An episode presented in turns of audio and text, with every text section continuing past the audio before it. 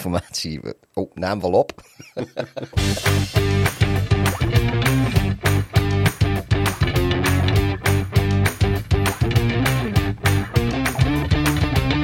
Dit is NFL op woensdag, jouw Nederlandstalige podcast over de NFL, de National Football League. Ja, we hebben jullie een tijdje verwaarloosd, of beter gezegd, ik heb Pieter een tijdje verwaarloosd en dan is de spin-off dat NFL op woensdag ook even stil ligt. Maar we hebben er weer zin in en er is genoeg te bespreken. Sterker nog, al uh, voorbereidend zou je bijna zin krijgen in het nieuwe seizoen. Dit is NFL op woensdag, seizoen 3, aflevering 6.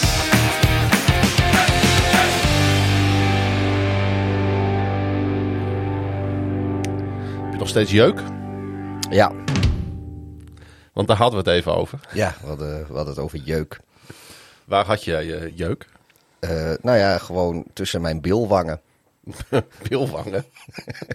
ja, dat, weet je, dat zijn die kadetten waar je op zit.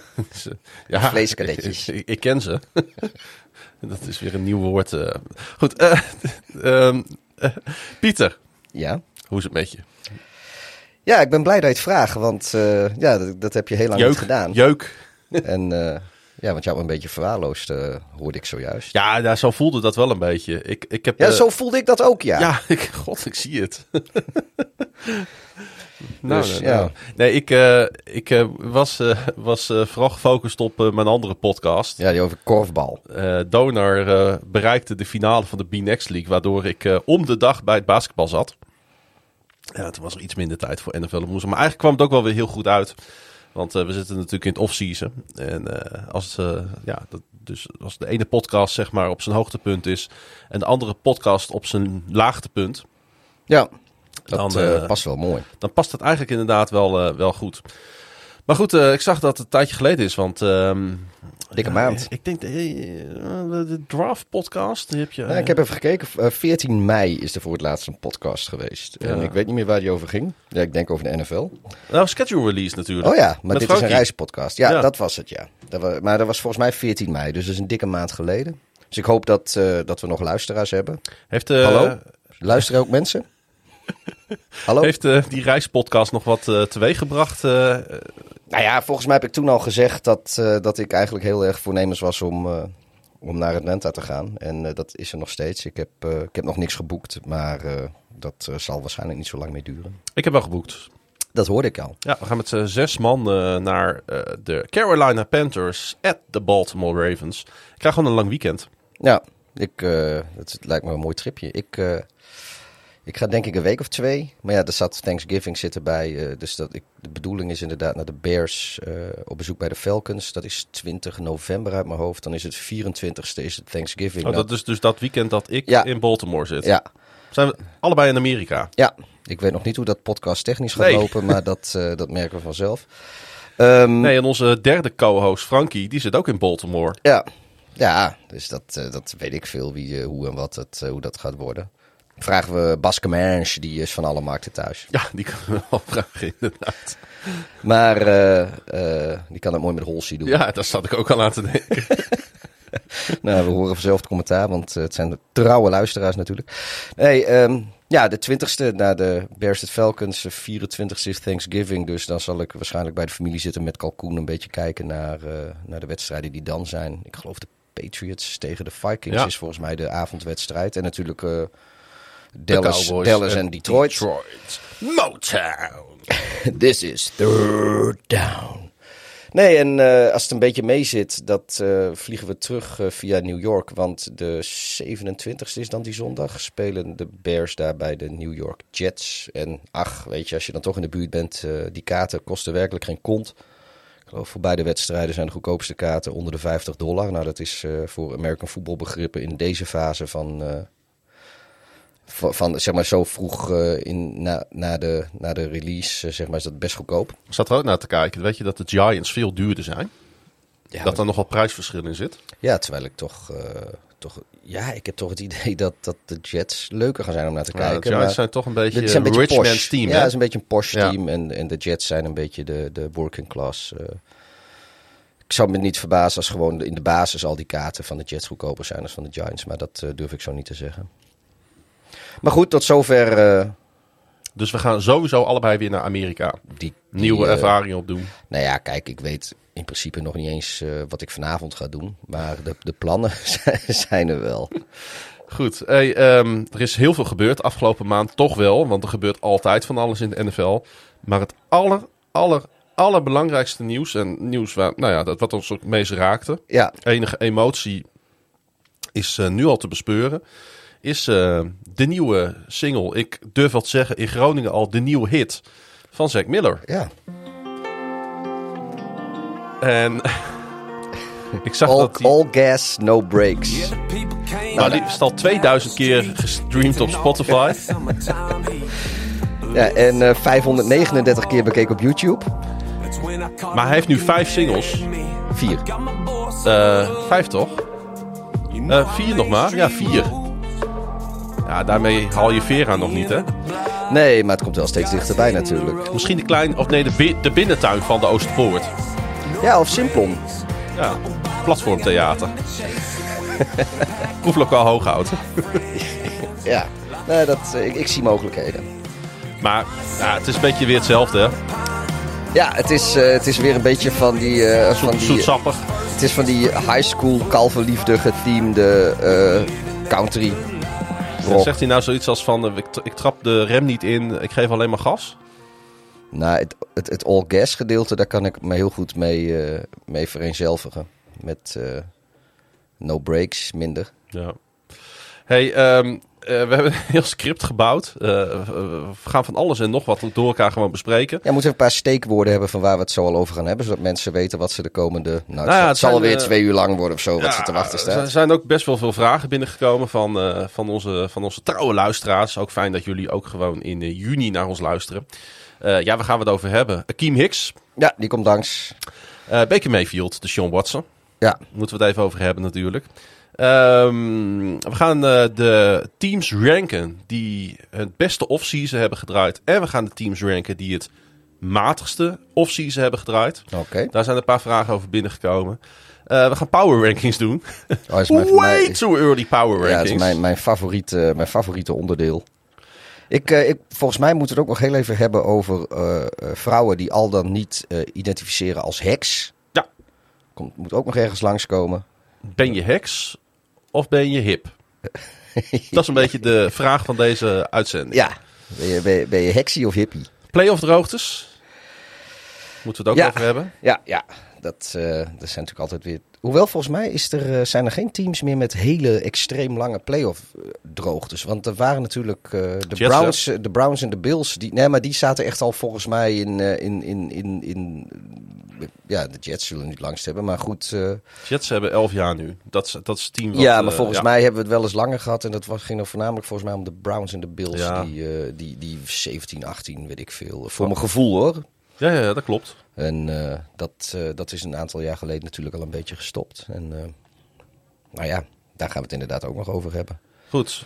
Zullen we beginnen met, met Jerry Jones en Dallas en de Chargers? Laten we dat doen.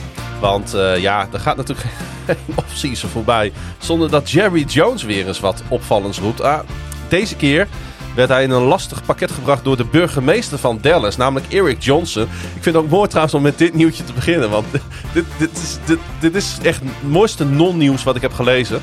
Eh, die burgemeester, Johnson, die eh, zit er namelijk wel op te wachten dat zijn stad een tweede NFL-team krijgt. En hij ziet in de Chargers de ideale kandidaat Ja, beetje, zo van, beetje grootheidswaanzin. Maar ook een beetje eh, ten opzichte van de Chargers niet helemaal tof, hè, dit.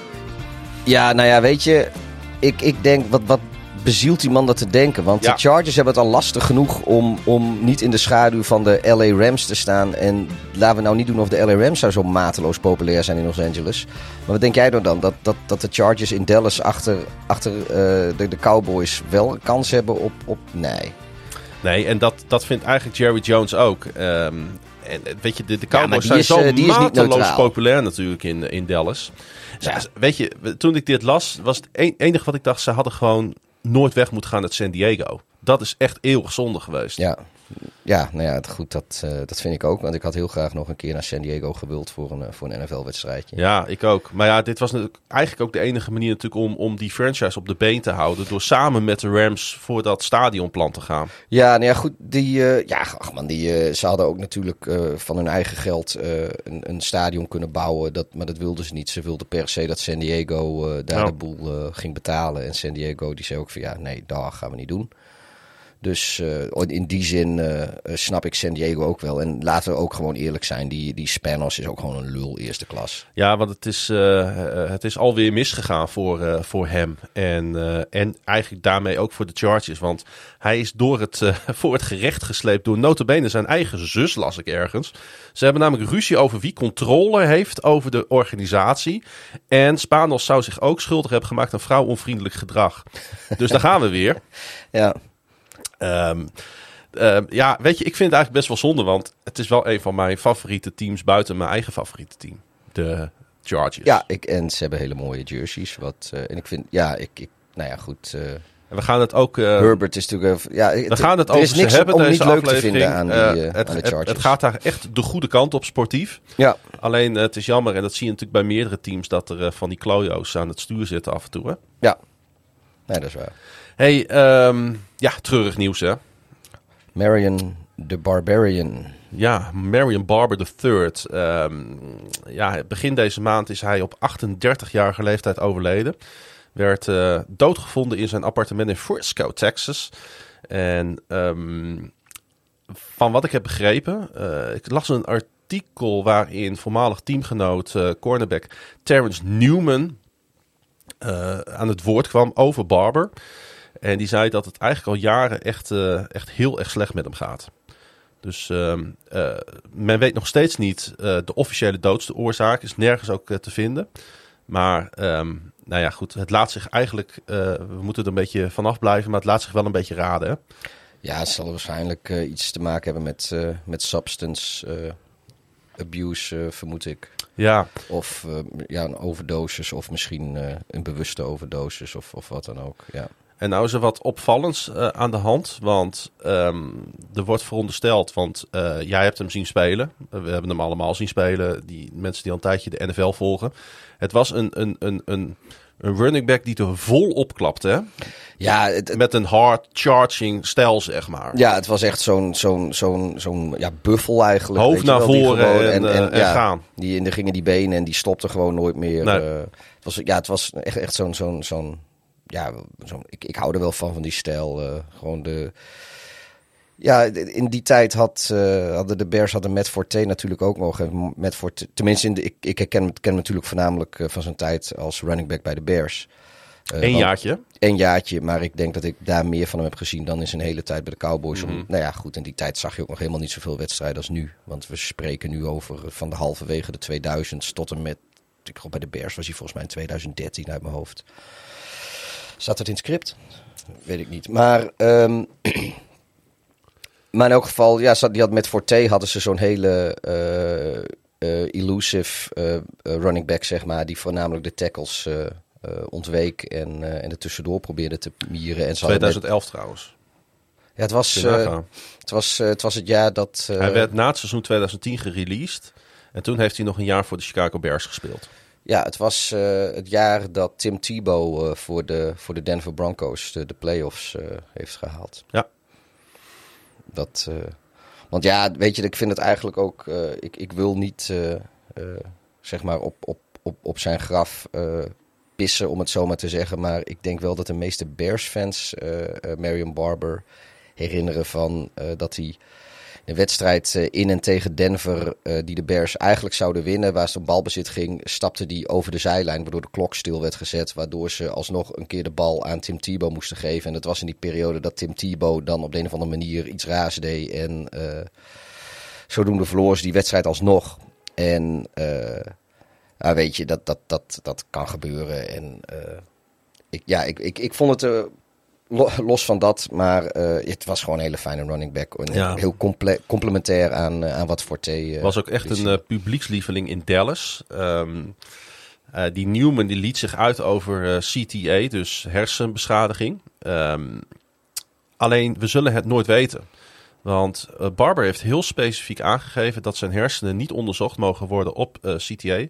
Al dus zijn vader die dat ook weer aangaf in een, in een recent interview. Ja. En nog een andere, ja, het, het, is, het, is, het is dan zo'n terug verhaal. Hè. Het jonge broertje van Barber zou 10 juni trouwen. De dag dat Barber 39 zou zijn geworden. Dus dan hebben we het echt over uh, een dag of, uh, of, of 12, 13 geleden. En die bruiloft zal nu uh, komende week plaatsvinden. Ja, en een triestigheid allemaal. Nou, daar zal een aardige sluier van, van verdriet overheen hangen natuurlijk. 38 ja. jaar en dan een paar jaar voetbal en dan, en dan ga je eraan. Het succes is niet ehm, betekent niet altijd succes ook in je latere leven. Dat blijkt wel. Nee, en nou ja, goed met, uh, met die CTI uh, en, en wel ja, logisch dat die discussie toch weer nu gevoerd wordt. Ja, hè? maar dat, het, het zou ook heel uh, goed passen bij zijn speelstijl. Weet je, hij heeft ook heel veel klappen. Uh, met zijn hoofd vooruit uh, dook je overal in. Ja, dat, dat is ook een stijl die, die zie je nu niet of nauwelijks meer. En dat heeft zo zijn redenen natuurlijk. Dus ja, ja ik, vind het, ik vind het triest. Ik was er. ja, ik, nou ja, dat, kijk, er gaan natuurlijk. Uh, ik, heb die, ik heb die jongen nooit persoonlijk gekend. Maar uh, ja, het was wel even. Uh, even toen je dat las, denk ik, ja, zo kut. Weet je, iedere dag gaan er mensen dood die je, die je kent van sport of film of tv of weet ik veel wat. Bekende mensen. Ja, ze die gaan je niet persoonlijk kent, maar. Ze gaan heel goed op succesverhalen in Amerika. Ja. En ook vooral de pers. Maar deze schaduwzijde van de sport, daar durven ze dan toch eigenlijk nog niet echt over te hebben. Nee, nee, ja, nee, niet echt. Het moet, het moet de... vooral allemaal mooi en blinkend en shining zijn. Ja, en, en ik, ik geloof dat een van de uh, best bekeken uh, uh, exposures, zeg maar, was van, van die schaduwkant van NFL. Dat is die film Concussion met Will Smith. Ja. En dat is een film, weet je. Er zijn waarschijnlijk ook nog heel veel mensen die denken dat dat gewoon allemaal... Tuurlijk is het enigszins gedramatiseerd, maar... Uh, er zijn waarschijnlijk heel veel mensen die denken dat het fictie is, terwijl dat wel degelijk is gebaseerd op, uh, op uh, in ieder geval in de realiteit is gestoeld, laat ik het zo zeggen. Ik denk dat het nuttig was geweest als we het hier ook geweten hadden van Barber. Maar goed, hij heeft zelf dus nadrukkelijk aangegeven dat hij dat niet wil. Waarom hij dat heeft gedaan, dat speculeren, weten we niet. Um, hij is in ieder geval niet meer onder ons. En, maar goed, het is wel zo'n naam. Wij zullen hem in ieder geval niet vergeten, want, en jij zeker niet, want hij is, een, hij is voor altijd staat hij in de boeken staan als een voormalig Chicago Bear. Jawel. Laten we ook nog even in uh, ja, Chicago eigenlijk blijven, of ook weer niet, soort van. Want voormalig Chicago Bears defensive tackle Akeem Hicks die heeft een contract getekend bij de Tampa Bay Buccaneers. En het zou gaan om een eenjarige deal met een waarde van maximaal 10 miljoen dollar. Ja, 2021, uh, we hebben het wel eerder over hem gehad, was een beetje een teleurstellend seizoen voor, Ja. uh, voor Hicks. Hè, met die verschillende blessures, onder andere volgens mij een enkel blessure. Toch speelde hij uh, nog negen wedstrijden waarin hij 3,5 sacks noteerde. Uh, ja, hij heeft veel tijd gemist hè, de afgelopen jaren. Ja, kijk, hij zit natuurlijk ook een beetje aan de verkeerde kant van de 30. En uh, hij, is, hij is 32 nu. en ja, en, en dat, dit zijn ook posities, weet je, die, die, die, die zijn ook zo zwaar op, op, op je lichaam. Dat, dat, ja, er is ook... Hij is een runstopper, hè? Ja. En dat betekent dat je veel, veel tikken te verkrijgen, verduren krijgt. Ja. Maar wel, hij deelde ook uit. Maar wel natuurlijk. een van de betere, denk ik, in de NFL. Hè? Ja, en denk ook wel een van de, van de uh, uh, uh, meest onderschatte van, van deze uh, periode. Want daar, volgens mij heeft hij hem nog maar één keer de Pro Bowl gehaald. Wat eigenlijk gewoon. Ja, 2018 natuurlijk, Ja. nadat de Bears de playoffs haalden. Ja, maar als je gewoon ziet hoe belangrijk hij was en uh, ook wat, wat andere spelers, tegenstanders van hem vinden, weet je. De, de, de jongens van Green Bay en van, van de Vikings en van de, de Lions die natuurlijk uh, veel die me meest tegenkwamen. Ja, die zaten ook toen. Uh, weet je, er komen altijd van die filmpjes. Als je een Pro Bowl uitverkiezing hebt, dan gaan andere spelers. Uh, je hebt van die top 100 op NFL Network, weet je wel, top Ja. 100 spelers. En daar was je op een gegeven moment ook in. En dan gaan andere spelers van andere teams die gaan dan vertellen wa wat ze van zo'n speler vinden. En natuurlijk is dat altijd positief. Maar ik vond wel. Ik vond de commentaar altijd wel mooi, want het is ook inderdaad, ze konden dan niet begrijpen dat die jongen geen, uh, geen Pro Bowl haalde. En ik geloof, ik weet niet meer wie, maar iemand van de Packers die uh, zei, he's, he's an actual bear. En uh, ja, dat was ook een van zijn manieren om, om tegenstanders te intimideren. Dat hij, hij stond op de line of scrimmage en dan ging je hysterisch lachen. Weet je, dan, dan, dan had je zo'n running back en die, die, die moet dan dwars, nou die gaat dan dwars door het midden. En die, die, die, die werkt hij dan tegen de grond met een, met een partij geweld. En dan ging hij daarna, ging hij, nou als die spelers dan opnieuw line-up, dan ging hij hem aankijken en dan begon hij... En dan wijste die en dan keek hij hem aan en dachten mensen van, is die gek of zo? Volgens maar mij, dat is best eh, angstaanjagend volgens mij, want het is echt een beer van een kerel. Ik kan me herinneren dat volgens mij bij het sluiten van de markt, terwijl het stadion eigenlijk al dicht was, dat jij nog een eh, jersey van hem hebt gekocht. Eh, ja, hè, toen waren ik wilde wij, heel graag een jersey van hem. We En, werden door de beveiliging er al bijna uitgetrapt. Ja. Maar jij zou en moest nog een Akeem Hicks jersey Ja, kopen. in de, in de Centennial uitvoering, want het was het seizoen dat, dat de Bears 100 jaar bestonden. En ik zei van nou, zo'n Centennial Hicks jersey nog even op de kop getikt kan worden. En Frankie uh, spot hem in één keer. In een heel klein, heel klein shopje. In een hoekje ergens van Ja, Soldier Field. Dat is echt een heel klein winkeltje waar ze echt twee of drie verschillende shirtjes en, wij en een zaten paar natuurlijk ook weer in een hoekje van Soldier Field. Ja, en eh, ja, goed, die heb ik, eh, heb ik dat shirtje. En ik eh, ben er nog steeds blij mee. Hoor. Kijk, ik, eh, ik, vind, ik hoop voor Hicks dat hij, eh, dat hij fit is. En dat hij, ik wens hem echt alle succes in, in Tampa Bay toe. Met, met de Buccaneers. Ik, ik hoop dat hij daar nog een hartstikke mooie één of twee seizoenen kan draaien. Er vloeit wel een soort van automatisme uit voort. Want het werpt natuurlijk alle vragen op over de toekomst van Ndamukong Sue. Yep. Hè, Sue die eigenlijk op dezelfde positie speelt als Hicks. Die wel in Tampa wil blijven volgens mij. Maar tot een nieuw contract is het nog niet gekomen. Ik denk ook niet dat het er nu nog van gaat komen. Nu Hicks gehaald is. Nou ja, kijk, ik weet niet of je ervan uit moet gaan dat Hicks gewoon eh, 17 wedstrijden voor je gaat spelen in regular season. Eh, want hij was de laatste jaren eh, al, al re- eh, red- redelijk vaak geblesseerd. En hij is natuurlijk ook niet jonger op geworden.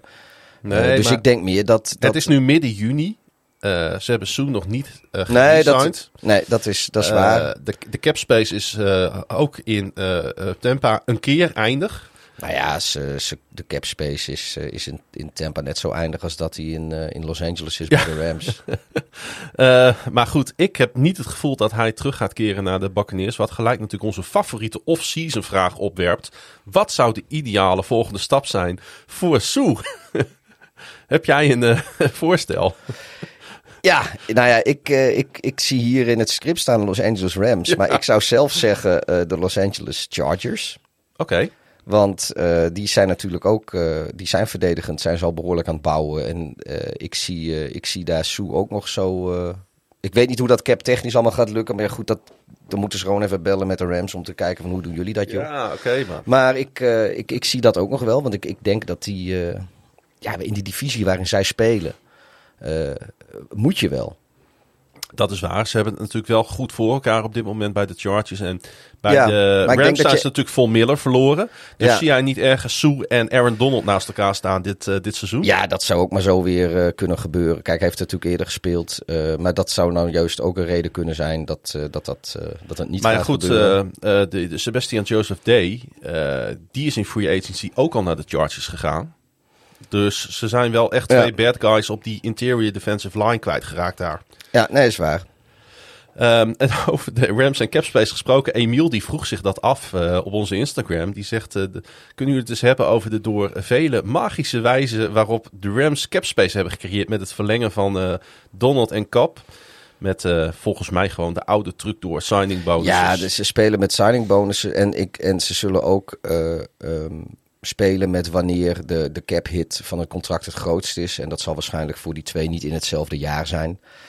Ehm, en dan zit je wel wat met gegarandeerd geld natuurlijk. Want Ja. eh, je wil niet eh, het risico lopen als speler dat je of geblesseerd raakt of getrade wordt. Of waardoor een nieuw contract getekend. Of weet ik veel wat dat je contract zou zien moet. Je wil wel het geld hebben wat je, wat je toekomt. Ja, en ze maar hebben- daar zullen ze her en der... En ze eh, hebben wat ingeboet bij de Rams hoor. Daar gaan we het straks nog over hebben. Ja, ja. Maar ze hebben echt wel eh, bewuste keuzes hierin gemaakt. Eh, maar goed, ja, ik vind de Rams zijn wel typisch zo'n team die dan Sue ook nog oppakken. Ja, en, en daar op de een of andere manier inderdaad ook ruimte voor hebben. Wat je natuurlijk ook kan afvragen is eh, of er überhaupt nog echt een fit voor hem is in de NFL voor zijn, als ik me niet vergis, dertiende seizoen alweer in de, in de National Football League. De beste man heeft volgens, ik heb het even opgezocht, Spotrack 166 miljoen dollar verdiend in zijn NFL-loopbaan tot nu toe. Dus om het geld hoeft hij het niet meer te doen. Ehm, als hij stopt, zal hij ongetwijfeld in de Hall of Fame discussie belanden. Ehm, enige wat tegen hem spreekt, dat is natuurlijk zijn uh, gedrag. Uh, met name in zijn beginjaren in Detroit hebben we het regelmatig over gehad. Ja, ja er zaten wel echt een paar, wat vuiligheidjes zaten ertussen. Vuiligheidjes, dat nou, was gewoon bij de, af en toe bij de B-staf. Precies. Idee. Maar ja, buiten dat, hij noteerde meer dan 70 seks tot dit moment. Wat hem in de top 100 all-time en in de top 20 onder actieve spelers plaatst. Hij heeft al een Super Bowl ring, heeft ook nog in een andere Super Bowl gespeeld. Dus ja, als de Bucks niet meer over de brug komen, moet hij dan nog zijn lijf en leden riskeren, zou je je afvragen. Ja, zo werkt het natuurlijk wel een beetje voor atleten. Als ze, op het moment dat zij denken dat ze het nog kunnen, dan willen ze het. En dan gaat het echt niet meer om het geld, maar het gaat ze misschien inderdaad nog gewoon omdat ze, ja, uh, nog een ring eventueel of meespelen voor een ring. Uh, maar ook het kameraadschap in de kleedkamer. En, en dit soort jongens, die moet je ook bedenken, die, die kennen eigenlijk geen ander leven dan voetbal spelen. Dus je kan, zolang jij uh, fysiek dat nog aan kan. Of van jezelf denkt dat je dat kan. En er zijn teams die je willen hebben. Zou Las Vegas dan een optie zijn? Ik denk dat, uh, dat voor hem alles wel een optie is. Maar dan is Las Vegas met, met, met belastingparadijs, wat het daar is, toch, toch, toch. Weet je, en ze kunnen hem daar natuurlijk ook goed gebruiken. Want ik zat daar eens even te kijken naar, um, naar hoe het daar staat. En dat is niet best. Um, ja. Uh, Chicago kan hem ook betalen. Ja, Chicago kan. Voor, voor een jaartje. Maar, ja. maar dat, ik denk niet dat. Uh, als, als ik uh, Sue was en ik zou nog doorspelen, zou ik bij een team gaan spelen. Wat, uh, wat, wat serieus kansen. ja, precies. En daarom denk ik ook niet zo dat hij. Ja, daarom weet ik ook niet hoeveel naar Las Vegas kan. Ik zou dan eerder inderdaad, in, als in die divisie, zou ik dan eerder naar de Chargers gaan. Als, als die hem willen en kunnen betalen. Gewoon ook. Ik wil dat ook wel zien, want ik hou wel van die Chargers offense natuurlijk. Maar als zij Soe er ook nog bij krijgen, dan hebben ze daar echt een, monster uh, defense. En dat, ja, ik, ik, dat lijkt mij gewoon heel mooi om te zien. Helemaal mee eens. Um, kwamen wat andere vraagjes binnen over de quarterback situatie bij de Browns. Uh, Dennis zegt, most obvious question, gaat de Sean Watson nog een snap uh, spelen in de NFL? Watson, Mayfield, het heeft allemaal natuurlijk wat met elkaar te maken. Want uh, ja, je zou het bijna vergeten. Maar de Cleveland Browns die zitten nog steeds met Baker Mayfield, Pieter. Ja. Um, de Panthers zouden op dit moment serieus interesse hebben. Ja, al een paar maanden eigenlijk. Ja, hè? Alle, ja, die, die schijnen ook heel erg bezig te zijn met, uh, met hem vetten en, en hun huiswerk te doen. Met zowel Mayfield persoonlijk als ook met, met de omgeving. Ja, ze wil natuurlijk weten wie ze binnenhalen. Dan, dan, dan zou ik dus, hè, als, als dit gaat gebeuren, hè, dan zou, zit ik dus op die, weer op dat Tokkievak 533 in Amity Bank Stadium. Ja. Bij de Carolina Panthers op bezoek bij de Baltimore Ravens. En dan weet ik alweer wie er achter mij zitten. Die, oh, die twee dronken mensen, die toen wij bij Browns at Ravens waren, de hele tijd vier kwarten lang Mayfield, hebben uitgescholden. Ja, die zullen dan weer vier kwarten lang Mayfield uitschelden. Dus dan reis ik weer naar Amerika voor Baker Mayfield. Ja. Dat, is natuurlijk niet echt de bedoeling, hè? wel uh, wat, wat, wat, er, uh, wat je gaat doen dan. Nee, maar het, het, schijnt zelfs zo te zijn. Ik geloof dat uh, Mayfield die moet net geen 19 miljoen dollar verdienen komend seizoen. En uh, ja, als de Browns niet van hem af uh, uh, komen, dan zullen de Browns dat op moeten hoesten. Want ze hebben volgens mij al wel zijn 50-year option gelicht. Dus daar zitten ze aan vast. Ja, de Panthers kunnen dat wel betalen. Ja, maar die willen dat niet betalen. Die zeggen, moeten wij met die, waarom zullen wij bijna 20 miljoen gaan uitgeven voor een quarterback met... Ja, hoezeer ik het uh, Mayfield ook gun. Want ik, ik, vind hem, ik vind hem wel een verrijking voor de NFL, ook qua, qua karakter. Ik vind het gewoon een kleurrijk persoon en uh, ik hou er wel van. Zeker als quarterback. Um, maar er zitten nog wel wat, wat vraagtekentjes aan of hij uh, inderdaad een, een franchise-leidende quarterback zou kunnen zijn. Ja, maar hij, en, hij heeft toch uh, bij de Browns echt wel laten zien dat hij meer in zijn mars heeft dan ja, Sam Darnold. Oh ja, nee, dat, dat sowieso. Dus sportief maar, zouden de Panthers er toch gewoon op vooruit gaan. Ja, maar waarom zouden de Panthers uh, die 20 miljoen dollar gaan ophoesten als ze waarschijnlijk de Browns wel zo gek kunnen gaan krijgen dat die de helft op gaan hoesten? Want dat is een beetje wat, wat er nu ja, speelt. Als ze maar inderdaad van hem af ja, want, want, ja. want laten we. Ik, ik denk niet dat Mayfield ooit nog één bal voor, voor de Browns gaat gooien. Nee, dat denk ik ook niet. En uh, nou ja, dat brengt ons dan wel een beetje uh, naar het volgende. Want er is best wel kans dat uh, de Sean Watson dat komend seizoen ook niet gaat doen. Hoe hebben de Cleveland Browns dit kunnen doen? Ik, ja, ik, ik vind het echt schandalig. Weet je, als je ook nou ja, we hebben het volgens mij er ook al eens vaker over gehad. Kijk, ik heb kunt- mijn mening hier ook vaker over gegeven. Je, je kan van Mayfield vinden wat je wil. En je mag van mij als organisatie best van mening zijn dat Mayfield eh, niet de quarterback is voor de lange termijn. Die, je die je eh, sustainable sportief eh, succes gaat brengen. Nee. Vind ik prima, mag je vinden. En, en daar kun je misschien ook, ook wel van zeggen dat dat, een, dat dat een onderbouwde mening zou kunnen zijn. Maar de manier waarop ze met hem omgegaan zijn. En dat ze dan dus ook zoveel geld voor de Sean Watson met alle vraagtekens die er zijn. En dan ook nog zeggen van ja, nee, maar we hebben wel onze due diligence gedaan. We hebben wel onderzocht of, of het goed is eh, rondom eh, Watson. Nou, dat blijkt dus, dat is gewoon absolute bullshit. Want er komen nog steeds uit alle hoeken en gaten komen nieuwe aanklachten. En Er zijn nog weer een paar getuigen- bijgekomen, hè? Ja, er zijn een paar bijgekomen, maar er zijn ook een paar getuigenissen bijgekomen van mensen, eh, van masseus, eh, masseuses of massagetherapeuten, kunnen we beter zeggen. Ehm, die dan geen eh, aanklacht indienen, maar die wel hun verhaal hebben gedaan. Of die eh, ondersteunende getuigenverklaringen geven aan de aanklachten die er al zijn. Ja, weet je, als de New York Times was het volgens mij. Die had in één keer allemaal interviews met, eh, met massagetherapeuten die met, eh, die met eh, de Sean Watson zaken gedaan hebben. En als de New York Times ze kan vinden. En dat zijn dan therapeuten die nog niet eerder zijn betrokken geweest bij aanklachten, rechtszaken of, of getuigenverklaringen, wat dan ook. Als de New York Times die kan vinden, dan hadden de Cleveland Browns die toch ook moeten kunnen vinden. Die, die, dan hadden die al gezegd, er is nog meer. Weet je, die hebben gewoon niet... Ze zeggen van wel, maar ze hebben gewoon niet hun due diligence gedaan. Ze hebben er gewoon echt een puinhoop van gemaakt. Maar dit, dit, dit gaat natuurlijk uitdraaien op wat we in het voetbal een soort van arbitragezaak zouden noemen. Ja, Met aan de ene kant een bond, dus de NFL, die eh, Watson waarschijnlijk voor het hele seizoen gaat schorsen. nou ja, dat kan de, bijna de, niet de anders. verwachting is dat ze een, echt een hele zware straf eh willen Ja. opleggen. De, ja, dat is in ieder geval een seizoen. Nou, ze zullen gaan of eh, ze gaan nooit, ze gaan altijd voor een seizoen. Of bijvoorbeeld zes wedstrijden. Of acht wedstrijden. Ja, maar dit, dit wordt minimaal een seizoen. Ik denk ook dat het minimaal seizoen wordt. Dan heb je aan de andere kant heb je natuurlijk de Player Association, de Ja. NFLPA. Die natuurlijk eh, opkomt voor spelers. In welke situatie die spelers dan ook zitten. Want die zijn erbij aangesloten. Dus die moeten ook verdedigd worden. En Ja, laten we eerlijk zijn. ook recht op. Ook Watson heeft recht op een advocaat en op eh, ja, maar laten steun. we, ja, laten we ook niet doen. Juridisch alsof- gezien Ja, laten we ook niet doen alsof de NFL. Kijk, in, in dit geval met zoveel eh, eh, massagetherapeuten en zoveel verklaringen en zoveel dingen. ehm, neigt, neig ik wel echt heel erg naar dat de Sean Watson nog een perverse klootzak is. Ehm, maar laten we niet doen alsof in het verleden eh, de NFL niet hele zo, on a whim zomaar. Ik bedoel, die Flategate, je mag ervan vinden wat je wil, maar dat, dat Brady daar vier wedstrijden voor geschorst is geweest, is natuurlijk raar. Dan weet je helemaal om een telefoon. eh, en ik geloof dat. eh, God weet je nou, Elliott, die running back van de Cowboys, ziek.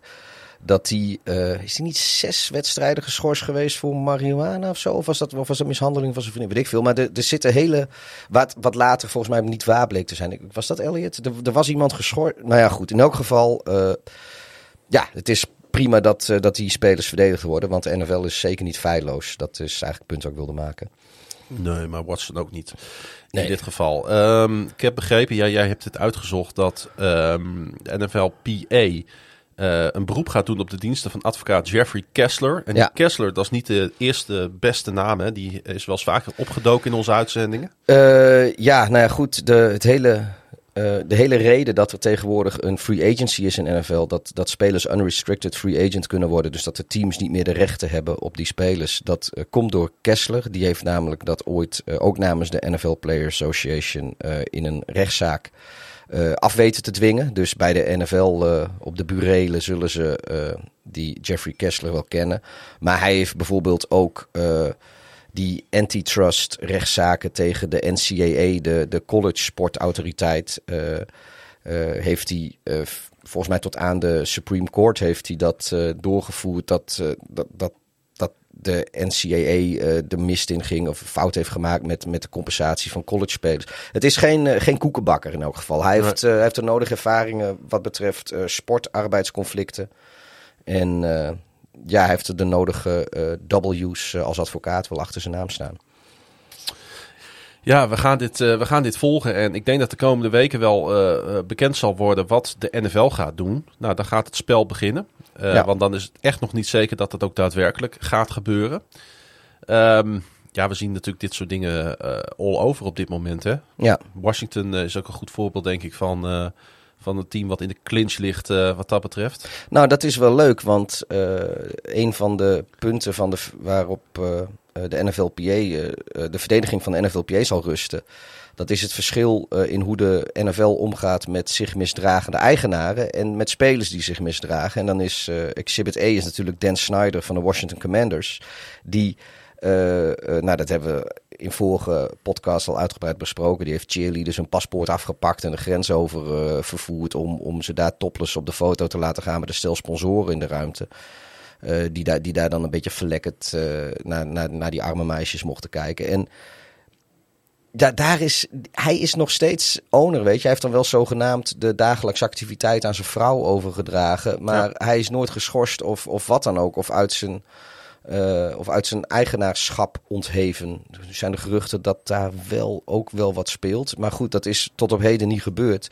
Dus ja, de NFLPA zou ook zeggen van ja, waarom moet je spelers zo streng aanpakken als, je, als die eigenaren ook, weet je, Kraft van de Patriots, ik bedoel, die heeft natuurlijk ook zo zijn escapades in massagesalons gehad. Niet, Ja. niet in de, op de schaal, voor zover wij weten in elk geval, als de Sean Watson. Maar ja, zet daar tegenover de straf van Calvin Ridley, die een jaar geschorst wordt voor gokken. Ja, nou ja, precies, ja precies. Of eh, eh, ja, uiteindelijk eh, was dat natuurlijk ook een heel. Maar was het Josh Gordon die keer op keer met marihuana de mist in ging en daar op een gegeven moment ook een heel seizoen voor moest missen. Ja. En ja, nee, sorry, maar dan vind ik wat zo'n Nou, Dan Snyder heeft draaideur. Ja, die, die, die, die bleef op een gegeven moment ook aan de drugs. Maar ehm, ja, als je, als je dan ziet dat zo'n Dan Snyder eh, eigenlijk ongestraft eh, eh, van alles mag uitvreten. Ja, dan, dat snap ik wel dat de NFLPA zegt luisteren. Weet je, dit is meten met twee maten en dat kan echt niet. Dus ik ben eh, wel benieuwd, want dan wordt de NFL gedwongen daar ook uitspraken over te doen. Over hoe ze dat met de Washington Commanders en Dan Snyder doen. Dat is een, een leuke bijkomstigheid van deze zaak. Het is nooit saai in de NFL, hè? zelfs als het niet gespeeld wordt. Nee, niet voor liefhebbers zoals wij. Nog een klein eh, Chicago-gerelateerd berichtje, want voormalig Bears running back Tariq Cohen, Cohen. Cohen heeft zijn Achillespees afgescheurd. En dat is wel heel sneu. Zeker voor de Nee. vele Nederlandse Bears-fans met een jersey van hem. Ik, En, ken, ik eh, ken er zo twee. Ja, ik ook. Ze waren eh, goedkoop in de aanbieding. Ja. Eh, in maart werd hij de- volgens mij gereleased door Chicago. Ja, ze hebben hem. ja, hij is. ik geloof wel dat ze hem nog een, een jaar. zeg maar in ieder geval zijn, zijn, ja, voor zijn revalidatie en zo ja, zijn ze wel mee bezig. Ja. Dat, dat doen ze wel. Maar hij, was, hij had natuurlijk anderhalf jaar geleden in een uitwedstrijd in Atlanta. Dat was voor de mensen die, eh, die dat nog weten. Dat was de wedstrijd waar eh, Trubisky werd gewisseld voor eh, Nick Foles. Die vervolgens die wedstrijd alsnog won. eh, in, de- met, met nog een paar seconden op de klok.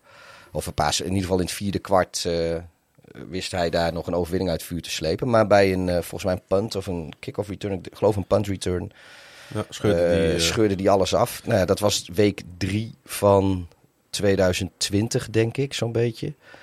En en- nu is het eh, weer gebeurd. En het, eh, hij was eh, net genezen. Het heeft heel lang heeft hij moeten Ja, revalideren. maar het frappante is, het incident is live te zien geweest Ja. op Instagram live. Hij was aan het, hij was aan het trainen en daar had hij Instagram live, had Ja. zijn telefoon. had hij, dat, hij doet heel veel, weet je. Het is echt een hele leuke. Hij speelde ook altijd, eh, god, Overwatch of weet ik veel, een van, een van die, die spellen die ik, ik mag zelf ook graag spelen op mijn PlayStation, maar ik speel niet, niet dat soort spellen. Maar hij met, met fans. Weet je, dan ging je gewoon, zet je ook op Instagram van ja, ik ga spelen, dit is mijn gamertag. En eh, wat als je met me mee wil spelen, kom lekker meespelen. Ging je gamen met, eh, met andere, met Bears fans en zo. En hij was ook heel, eh, heel actief op social media, ook met zijn, met zijn Instagram stories en Instagram live. En ja, hij was zijn, zijn training was hij aan het livestreamen en toen gebeurde dat. Maar dit komt niet goed, hè, met deze jongen. Nee. Sportief. Nee, het, het- weet je, het was eigenlijk al, ik, ik vermoedde al wel einde verhaal voor zijn NFL-carrière. Omdat eh, het revalideren van die eerste blessure zo verschrikkelijk lang duurde. En hij heeft het, eh, hij moet, het is een heel klein mannetje. Hij moet het hebben van zijn snelheid en zijn wendbaarheid. Ja, en als je eh, als topsporter ruim anderhalf jaar lang moet revalideren van, nou toen had hij volgens mij ook al zijn- zijn, zijn kniebanden en, en pezen en dingen, alles wat je maar kon scheuren. Zijn knie was gescheurd zo'n beetje. Ehm, ja, dan, dan moet je daar toch aan inboeten. En kijk, het is geen Marion Barber die, uh, die met uh, brede schouders en de kop naar voren wel even over dwars doorheen rent. Want hij is echt een, een ja, ik geloof dat hij 1,75 is of zo. Hij is, het is echt een klein mannetje, ook ja. voor de NFL. Um, ja, ik, ik vind het heel triest. Het is een super sympathieke kerel. Hij heeft een hele moeilijke tijd doorgemaakt. Ook ze, ergens vorig jaar is, is, is zijn broertjes vermoord. En uh, ja, hij heeft het zelf, heeft, is, is ook heel eerlijk over geweest. Dat was vlak voor zijn blessure. Heeft hij dus uh, een heel verhaal vert, verteld over hoe zijn afgelopen periode was. Hoe, hoe hij mentaal zwaar het had. Want inderdaad, zijn broertje was vermoord. En hij had zelf natuurlijk, die revalidatie liep heel slecht en, en al dat soort dingen, heel verhaal. En nou, toen was, leek hij eindelijk weer een beetje fit te zijn. En toen dit, ja, ik vind, ik vind het echt een heel, heel triest verhaal. Ja, en dat, dat ook nog eens voor het oog van uh, iedereen die op dat moment aan het intunen was. Ik, ja, een ongelukkig, ongelukkig verhaal dit vooral. ja. Hele kort nog even ingaan, vraagje van Hols. groot Bears-fan we kennen hem goed. Vooral als Bears-fan ook. Heeft ook een uh, Cohen jersey. Ja. Hoe is het met Justin Fields? Daar kun je dat in een paar zinnen er wat over zeggen. Ja, nou ja, voor zover uh, verhalen vanaf de, de trainingsvelden hout snijden. Ik geloof een van zijn, van zijn grootste minpunten vorig jaar was dat hij zijn manier van gooien kostte net iets te veel tijd. En in de NFL heb je nou een keer niet zoveel tijd. Zeker niet achter de offensive line die de Bears hadden. Daar is heel erg aan gewerkt. En in ieder die, die er verstand van heeft en die de trainingen bijgewoond heeft, die ziet ook gewoon dat zijn releases is veel sneller geworden. En ja, ik, ik, heb, uh, ik heb wel vertrouwen in. als je het ook ziet, hoe langer ik er aan terugdenk en terugkijk en zie hoe dingen hadden kunnen gaan en hadden moeten gaan, hoe beroerder ik met terugwerking graag met Nagy als, als coach vind. Um, wat, daar zijn echt eigenlijk achteraf echt onbegrijpelijke dingen gebeurd. Ik was al een poosje niet zo'n fan. En ik, ik denk dat het... Uh, ja, weet je, hij heeft vorig jaar op de Bears met drie quarterbacks gespeeld. Fields die heeft de hele preseason niet met de eens gespeeld. Nu natuurlijk wel, hij is nu gewoon de nummer één. En, is veel meer rust ook. Veel meer rust. Hij, hij gaat gewoon, hij is de hele off-season is hij bezig met, met trainen met de mensen met wie hij ook daadwerkelijk in het veld gaat staan. In plaats van met, uh, met, ja. met, met de reservespelers. Uh, er, wordt, ja, hij heeft ik, ik, denk, ik denk dat hij echt wel een stap vooruit gaat maken. En dat wil niet zeggen dat de Bears meteen uh, Super Bowl bound zijn of zo. Maar ik, ik denk wel dat wij uh, uh, vooruitgang gaan zien. Ik, ik ben er heel positief over. Goed, gaan we terugkijken op het off-season. Want de vraag kwam binnen van Leon via Instagram. Welke teams hebben een goed offseason achter de rug? Welke team juist niet? Marijn vroeg een beetje hetzelfde. Welk team heeft overal het beste offseason gehad in de draft? En met de free agency signings tot nu toe. En uh, ja, wij hebben een top 5 gemaakt, uh, Pieter. Ja. En uh, zal ik beginnen? Begin jij maar. Dan mag jij daarna een, een, team benoemen. Ik wil eigenlijk beginnen met, ja, een beetje obvious, maar met de Denver Broncos. Want ja, de kansen op succes waren voor de Broncos al niet al te best natuurlijk vorig seizoen. Maar ja, kun je je nog herinneren dat Teddy Bridgewater, Teddy Bridgewater ook nog eens uitviel met een season-ending blessure. Ja, toen wist Denver genoeg. En ik denk dat ze toen al een beetje de keuze hebben gemaakt van... wij moeten nu echt slagvaardiger worden en een andere route gaan zoeken. En toen besloten natuurlijk de Seahawks om afscheid te nemen van Russell Wilson... En toen wist natuurlijk general manager George Payton niet hoe snel hij een lading draft picks en drie spelers naar Seattle moest sturen voor de negenvoudig Pro Bowler. Laten we dat niet vergeten. Ja. Nee, nu is het ehm, eigenlijk niet op zich voor, voor, voor, voor de Broncos. Is dit natuurlijk niet het, het roeren omgooien dat ze, dat ze een, eh, een Pro Bowl uh, quarterback van een ander team. Nee. die, die nog even een paar jaar daar in Denver kan gaan spelen. Nee, dat heeft ze met uh, Peyton Manning geen, uh, geen windeieren gelegd. Eigenlijk doen ze nu een beetje hetzelfde. Dus eerst ja. een goede, stabiele basis opbouwen. Ja, wij hebben het uh, twee jaar lang geroepen. De Broncos zijn één goede quarterback verwijderd van een playoff team zijn. Ja. Of in ieder geval kansen hebben in die stacked AFC. Um, ja, ze hebben dus Russell Wilson gehaald. Nou, die hoeven we geen, daar hoeft geen toelichting meer op te komen. We weten allemaal wie Wilson is en wat hij allemaal kan. Maar um, ze hebben nog wel wat meer gedaan, de Broncos. Want uh, de Cowboys die stonden op het punt om Randy Gregory een megacontract te geven. Maar de outside linebacker die koos plotseling en tot ieders verrassing voor Denver. En een vijfjarige deal met een waarde van 70 miljoen dollar. En daarnaast kwam de in mijn ogen in ieder geval ondergewaardeerde defensive tackle DJ Jones over van de 49ers voor de positie van interior lineman. En ze hebben ook nog een goede slotcorner gehad, Quan Williams, die ook van de 49ers komt. En hun strong safety, Jackson, Kareem Jackson, die hebben ze geresigned. Dus het ziet er echt heel goed uit hè, voor de Denver Broncos. Ja, ik, uh, maar dus, ik, ik snap wel waarom. Ik vind het jammer dat, uh, dat Vic daar niet meer zit. Vic Fangio. Ja. Die, uh, ik denk wel dat hij daar een hele goede verdediging heeft neergezet. Dat, nu, nu, nu, ze hebben de Broncos natuurlijk al jarenlang kunnen ze bogen op, op uitstekende defenses. Um, maar ik denk dat zo'n Vic Fangio nog wel eens... je had zijn tekortkoming als hoofdcoach hoor, laten we dat voorop stellen. Maar ik denk nog wel eens dat hij een beetje scheef, met scheef oog kijkt naar de situatie die daar nu is. Want die heeft hij uh, in ieder geval uh, qua quarterback niet zo gehad. Nee, dat is helemaal waar. Maar um, ze zijn wel heel compleet. En als je dan kijkt, Ja, naar, ja, ja. als je kijkt naar de spelers die ze hebben moeten afstaan aan Seattle voor die rel. Maar de spelers, vooral die ze behouden hebben. Dan, en daar komen we ook nog wel even op terug. Dan kun je toch wel stellen dat Seattle toch echt de verliezer is van deze deal. En Denver de grote winnaar. Hè? Ja, ik, ik weet zo snel niet meer wat, uh, uh, wat de picks zijn. Ik weet wel een paar spelers, maar zo volgens mij ook een paar draft picks zitten erbij. Ja. Dan moet ik, ik moet even die, de details van die deal. Maar Die komt komt straks nog in het script ja, erbij. ik moet wel, ik moet wel zeggen dat. Uh, kijk, er, er zaten al een aantal jaar zaten er wat barsjes in het, uh, in het huwelijk tussen Wilson en de Seahawks.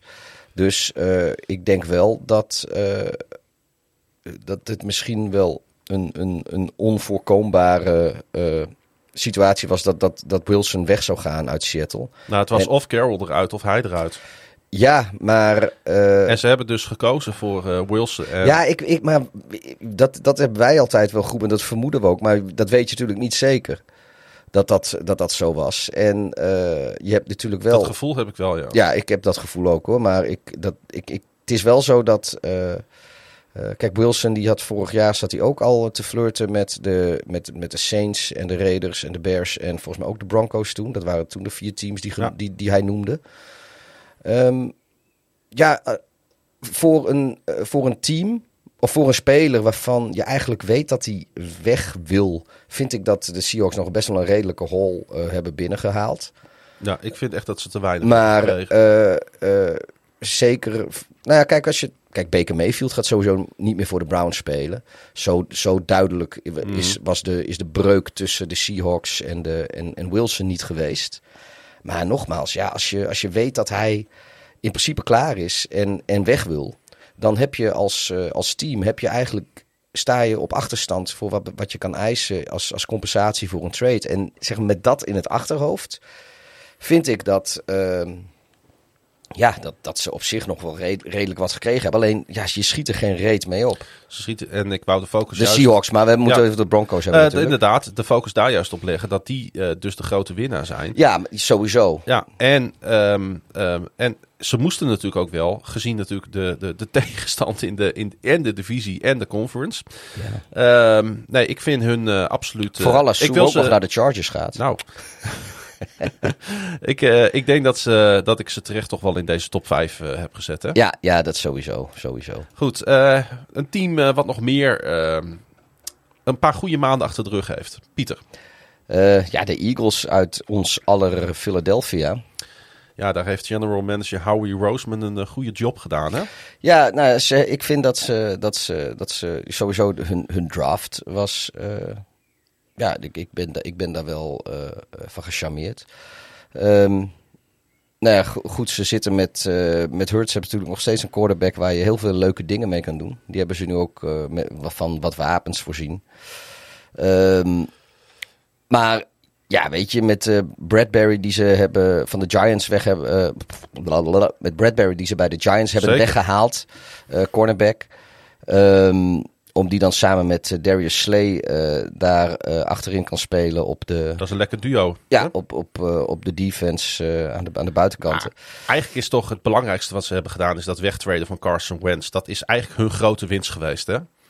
Ja, en ook dat ze van, eh, wat is het, Doc, Doc Peterson, die, die coach, dat ze die ook de laan uitgestuurd hebben. Ook, weet je, hoeveel teams zouden een paar jaar na het winnen van de Super Bowl al een Super Bowl winnende coach? Was toch Doc Peterson of ben ik nog gek? Peterson heeft de Super Bowl gewonnen Ja. met de Eagles, ja. Ja, en een paar jaar later hebben de, hebben de Eagles afscheid van hem genomen. Ja.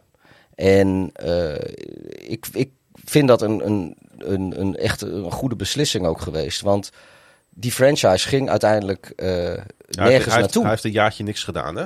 Ja. Het was al eind 2020 dat hij ontslagen werd bij de Eagles. Hij heeft een jaar niks gedaan. Ja, nee, dat en klopt. nu is hij headcoach nee, maar goed, eh, maar van dat. Ja, nee, maar dat is dus eigenlijk... eh, eh, dat dat was, was nog voor de Wentz trade volgens mij, dat ze, dat ze Peterson ontsloegen. En daar is het eigenlijk al begonnen dat ze, zeg maar...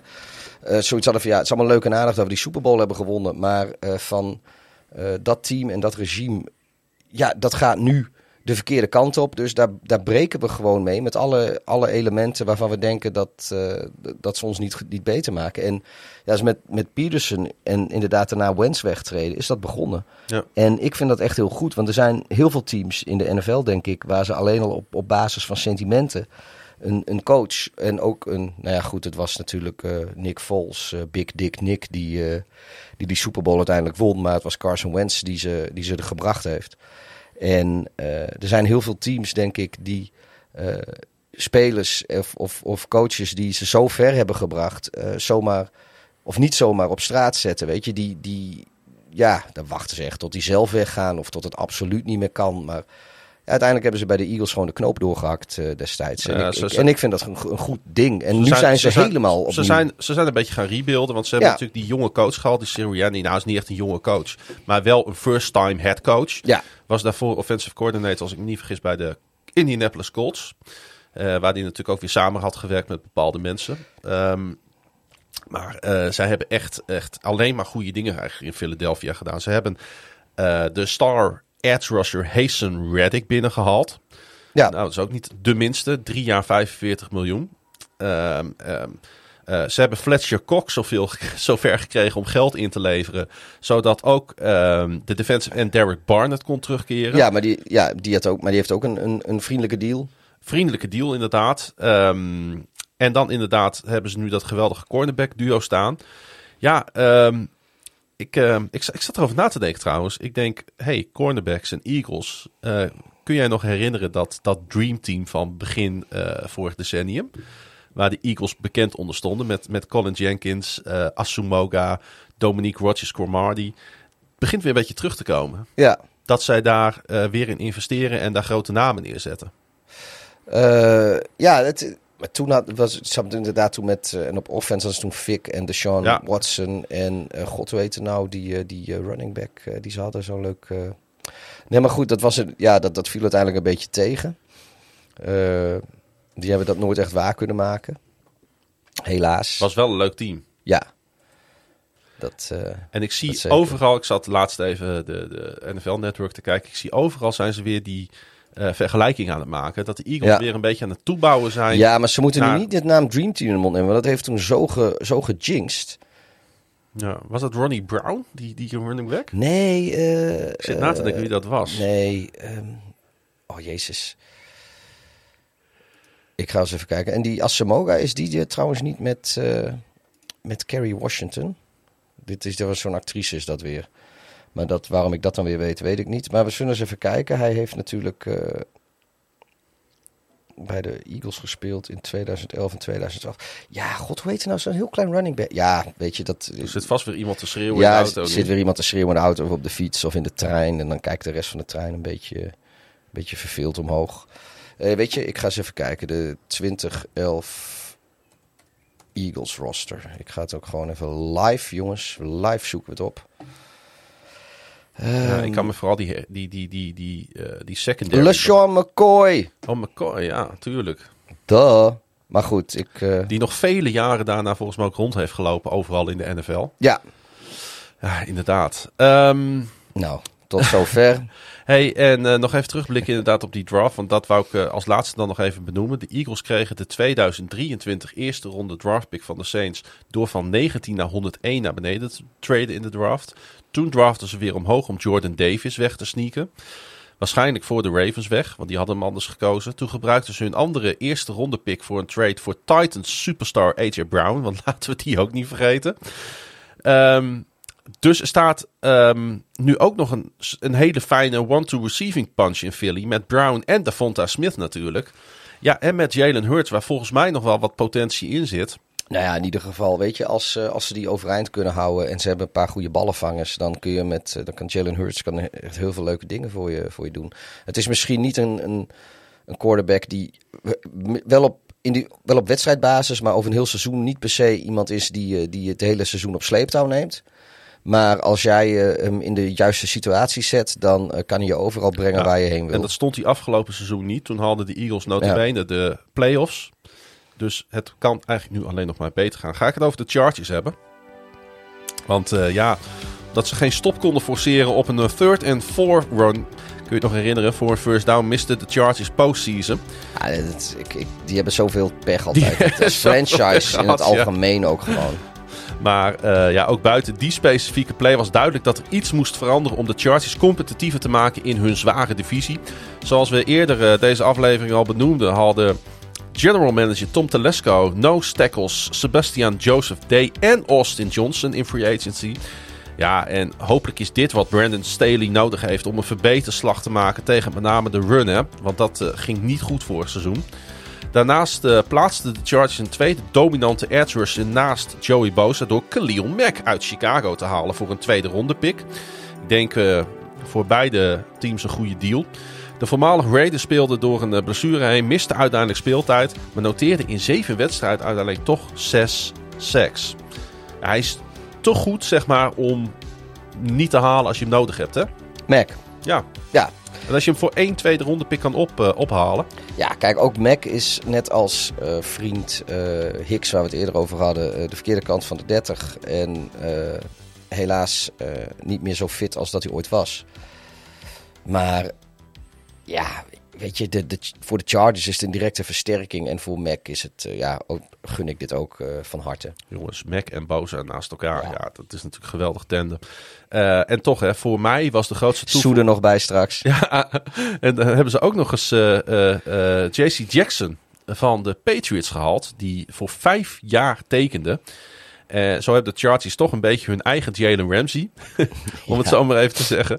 Uh, ja, Jackson uh, kan inside, outside corner spelen. ik denk niet dat hij het fysiek van Ramsey heeft. Maar hij is wel de playmaker die ja. Ramsey ook is.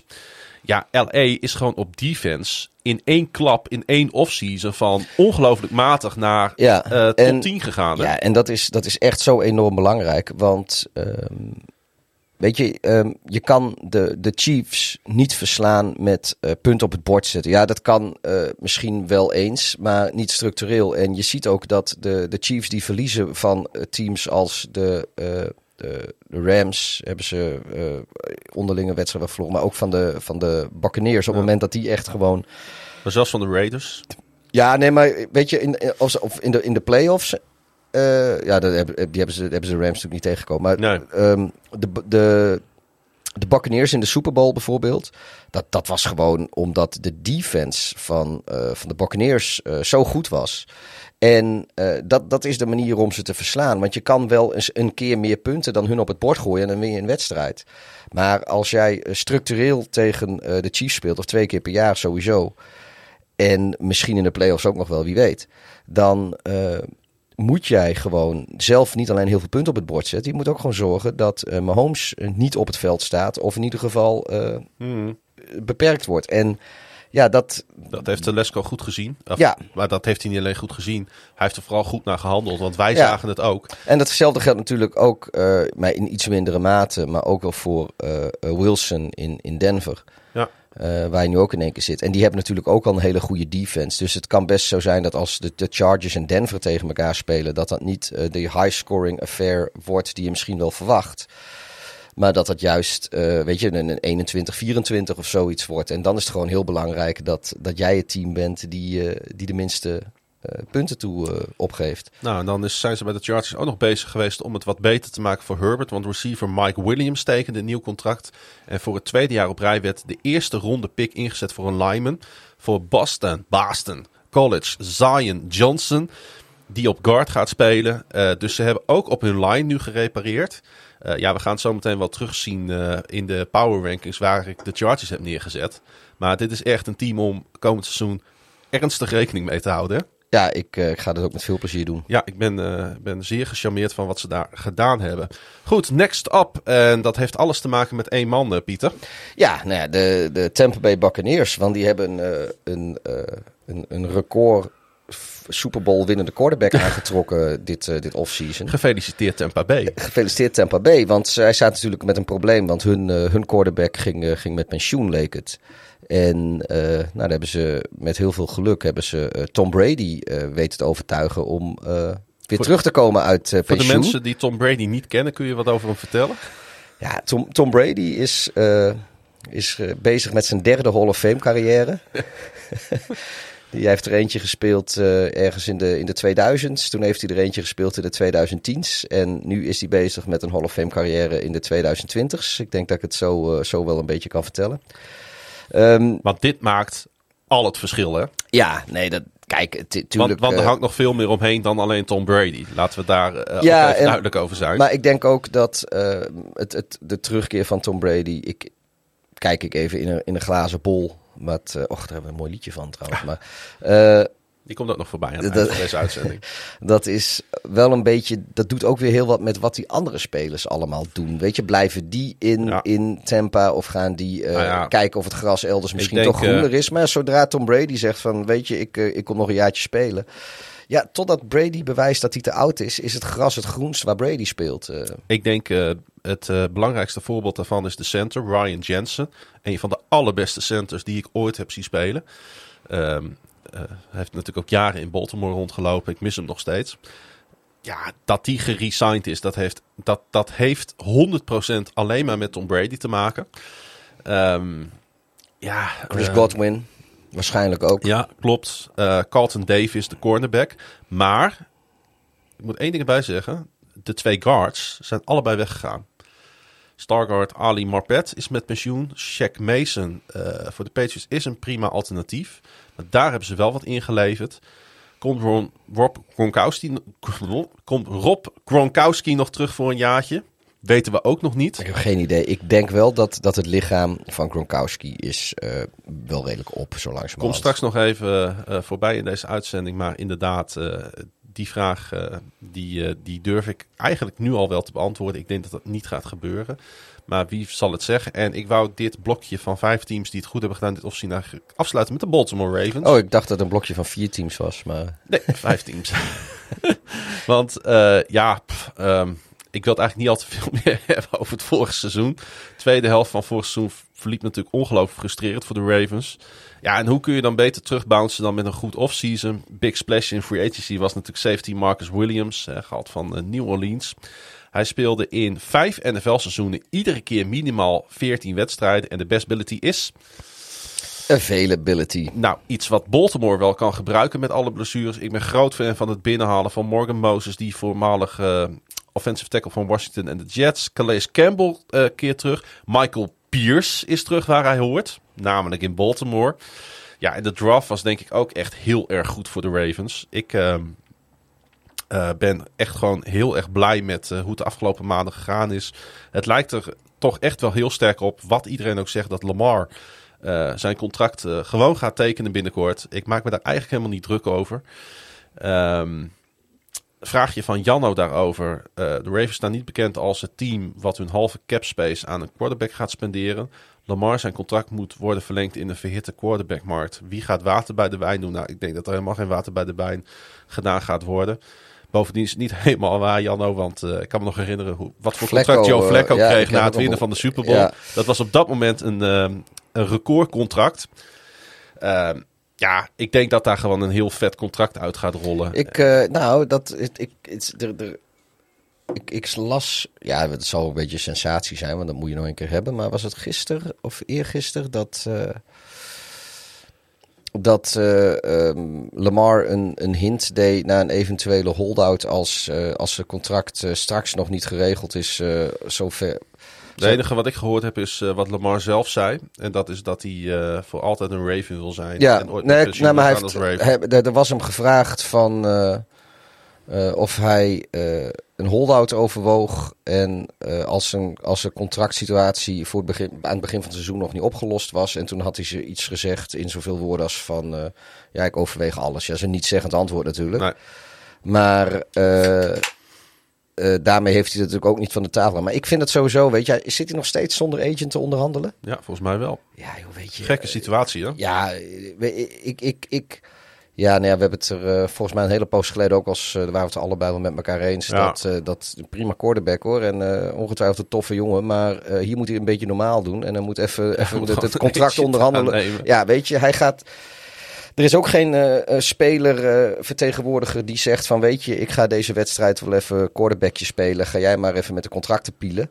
Zo werkt dat niet. Uh, je moet gewoon lekker bij je lees blijven als schoenmaker. En Lamar Jackson die moet lekker binnen de lijnen staan daar in het M&T Bank Stadium. En die moet een, een, een spelersvertegenwoordiger die daar verstand van zaken heeft, moet die lekker met die contracten bezig. ja, ik ben het helemaal met je eens. Maar bezig laten zijn. Maar goed, het maar, is wat het is. Maar toch, toch lukt het mij niet om me er op dit moment heel druk over te maken. Nee, nee, nou, nee ik, ik, hij straalt ik, ook ik, zoveel, nog minder. Hij, hij straalt ook zoveel relaxedheid uit. En uh, hij is ook gewoon opkomen uh, dagen bij Ja. de OTA's. Dus Ja, maar ik heb dus wel het idee een beetje dat, uh, en dat, dat, dat wordt niet met zoveel woorden gezegd, want dat wil je natuurlijk niet. Maar ik heb wel eens het idee dat ze bij de Ravens zelf zoiets hebben van, godverdomme jongen, wij willen dit ook fixen. En ik heb het idee dat ze daar wel een beetje zoiets hebben van, ja, als, als hij zich gewoon had laten vertegenwoordigen of dat met iemand, dat ze er al waarschijnlijk al lang uitgekomen waren. ja. En dat Lamar, heb ik wel eens het idee, die is daar inderdaad een beetje laconiek onder. En die heeft zoiets, het komt allemaal wel goed. En ja, het, het komt wel als ik het eraan toe heb. En uh, weet je wel, die is daar, volgens mij is hij daar... Ja, net als jij maakt hij zich daar, uh, maakt hij zich daar totaal Nee. niet druk om. Maar uh, de Ravens die willen wel graag weten Ja, waar ze aan toe zijn met cap space. En, Ja. en weet ik veel wat. Misschien raakt er straks nog wel, dat zijn tenslotte de Ravens. Misschien raakt er straks in het uh, preseason nog wel een bepalende speler of wat geblesseerd. Waar ze, ja, sorry, waar ze, waar ze vervanging voor willen hebben. En als dat directe versterkingen moeten zijn, dan gaat dat invreten op je cap space. Die willen weten waar ze aan toe zijn. En dat is uh, denk ik, ik, ik, ik geloof direct hoor dat Lamar zich niet zo druk maakt. Maar ik, ik heb wel het idee dat de Ravens uh, zo langzamerhand willen weten waar ze aan toe zijn. Um, En Ook, eh, terecht. en terecht inderdaad. Hey, ehm, er zijn ook teams waar het wat minder is gegaan de afgelopen maanden. Ja, trap maar af, Pieter. Nou ja, dan gaan we natuurlijk eerst naar onze vrienden uit Sin City, de Las Vegas Raiders.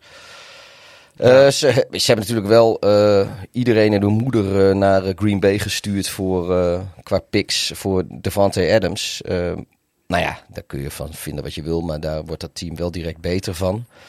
Um, Chandler Jones is ook die kant op gegaan. Ja. Um, nou ja, Max Crosby heeft zijn heeft contractverlenging met mooie, mooie nieuwe salaris Nou dingen zitten. Op zich, dat, even, dat klinkt even, allemaal heel even, goed. Even bij alles, hè. Bij ieder team waar het niet zo goed gaat, zijn natuurlijk ook dingen goed gegaan. Ja. Hè? Max Crosby en Chandler Jones naast elkaar als edge rushers, daar kan ieder team eigenlijk alleen maar van dromen. Ja. Davante Adams als wide receiver op je veld, daar kan je eigenlijk ook alleen maar van dromen. Maar ik wil even inzoomen op die, op die, um, op die deal eigenlijk met Nou ja, ik, kijk, nou ja, dat is Waar het. ik best nee, wel maar, moeite mee nee, heb. maar kijk, dit eerste stuk, dat klinkt allemaal van, oké, oké, zijn wel beter geworden, goede speler dit, goede speler dat. Maar wat ik zeg, ze hebben een enorm kapitaal, hebben ze uh, richting Green Bay gestuurd. En het is nog maar de vraag of Adams met uh, Carr de, de receiver is die Juist. hij wel. Sterker nog, het heeft volgens mij ook vier jaar geduurd of zo. Het Adams speelde al drie of vier jaar in Green Bay voordat hij überhaupt. Uh, want we, we spreken eigenlijk nog maar twee of drie seizoenen over hem. Zeg maar zoals we dat de afgelopen seizoen ook. Weet je, tu tuurlijk, het is nooit een, een, een pannenkoek van een receiver geweest. Nee, maar het heeft wel tijd Maar- gekost totdat hij echt de chemistry er was. Maar, Eh, maar, maar eh, kijk, hij was eh, arguably. Arguably. ar- hij, goed, hij was, hij was in ieder geval misschien wel de beste receiver de afgelopen paar seizoenen. Maar sowieso, weet je, hij zit in die discussie. Maar laten we top 3 noemen samen met Cooper Cup. Die daar denk ik de afgelopen twee seizoenen ook wel bij hoort. En nou, weet ik Debo wel, Samuel. de Tyreek Hill, uh, uh, whatever, weet je. Ja. Maar hij, ik, uh, iedereen zal Adams in de top drie receivers van de afgelopen paar seizoenen zetten. En dat was daarvoor uh, zeker, we zien misschien net aan top 10 of nog niet eens. En, Maar weet je, ik, ik had gedacht dat het bij, uh, bij Las Vegas met het nieuwe management, McDaniels en Ziegler, die natuurlijk de kneepjes van het vak hebben geleerd onder Bill Belichick, dat het wel anders zou gaan. Want dit is totaal niet hoe de Patriots hun roster eh, zouden managen. Hè? Nee, maar Dit is ik- eigenlijk een soort van classic eh, eh, Raiders move. Met een nieuw management, wat uit een management komt wat dit nooit gedaan zou hebben. Ja, maar ik denk ook dat dit een beetje paniekvoetbal wil ik het niet meteen noemen. Maar weet je, als je, je moet, als je kijkt wat het, het absolute geweld in de divisie om je heen. Want zij zitten dus bij de, bij de Broncos, de Chargers Ja, en maar dan- de Chiefs in. Dan klinkt dit gelijk weer als paniekvoetbal. Ja, dat is het ook. Want als je dit soort dingen niet doet, dan denk ik echt dat je eh, eh, uiteindelijk onder de voet gelopen wordt. Je zal heus een van die drie teams wel in één keer gaan verslaan. Want het blijven de Raiders en het blijft de, de AFC West. Maar, eh, weet maar je, zou je niet voor de iets geleidelijke route zou, eh, gaan? Want ze hebben natuurlijk Nou, met Hunter dus- Renfro, maar Darren ik- hebben ze twee. Ja, maar ik denk dus dat, dat ze bang zijn dat als zij eh, het geleidelijk doen, dat ze dan onder de voet worden gelopen de komende twee seizoenen. Omdat de andere teams, de, de Chargers en de Broncos, zijn eigenlijk all in gegaan. De Chiefs hebben natuurlijk Patrick Mahomes, maar die zijn de laatste paar seizoenen ook verslaanbaar gebleken. Daar zitten wat barsjes in de... In, in, in, de, in de aura van, eh, van, van onverslaanbaarheid die de Chiefs een paar seizoenen geleden nog hadden. En eh, ik, omdat de, de, de, de Chargers en, en de, de eh, Broncos all in zijn gegaan. Als Las Vegas dat niet doet, dan zijn ze denk ik bang dat ze onder de voet gelopen worden. En dan heb je wel een, een goede basis van, van, van spelers. Maar willen die blijven op het moment dat hun contract afloopt als het een, een, een, een 2-15 team is of een, of een 3-14 team?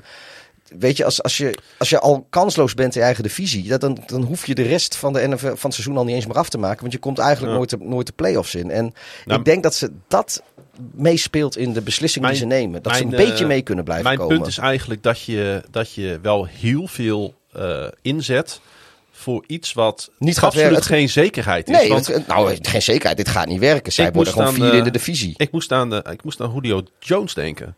Ik denk, het is echt niet altijd zo dat als je een wide receiver van boven de 30 haalt, dat dat in één keer werkt. Dat je hem uit een andere omgeving haalt, ergens anders Nee, precies. als een soort van grijpmachine ergens anders weer neerzet. En dan zou dat dus ook werken. En dan hebben ze wel echt heel veel kapitaal hebben ze over Ja. de balk gegooid. En het gaat niet werken, want tenzij de catastrofale blessures of zo gebeuren bij een van de drie andere teams in hun divisie, worden ze gewoon vierde in de divisie. En weet je, het geldt ook in zekere zin voor Chandler Jones. Die is 32. Iedereen die Ja. kan zich misschien nog herinneren hoe hij week 1 eh, afgelopen seizoen tegen de Titans 5 sacks noteerde. Daarna nergens meer was. Is hij beter in principe dan Yannick Ngakwe die ze daar hadden staan. Hè, de journeyman van de NFL. Nou, eh, nee, in principe niet. Maar het verschil rechtvaardigt niet deze zak met geld die ze Chandler Jones hebben gegeven. Nee. En dan dumpen ze Ngakwe bij de Colts vanwege salarisgezeik. En dan, Krijgen ze er een onbeduidende, gefrustreerde corner van de Colts voor terug.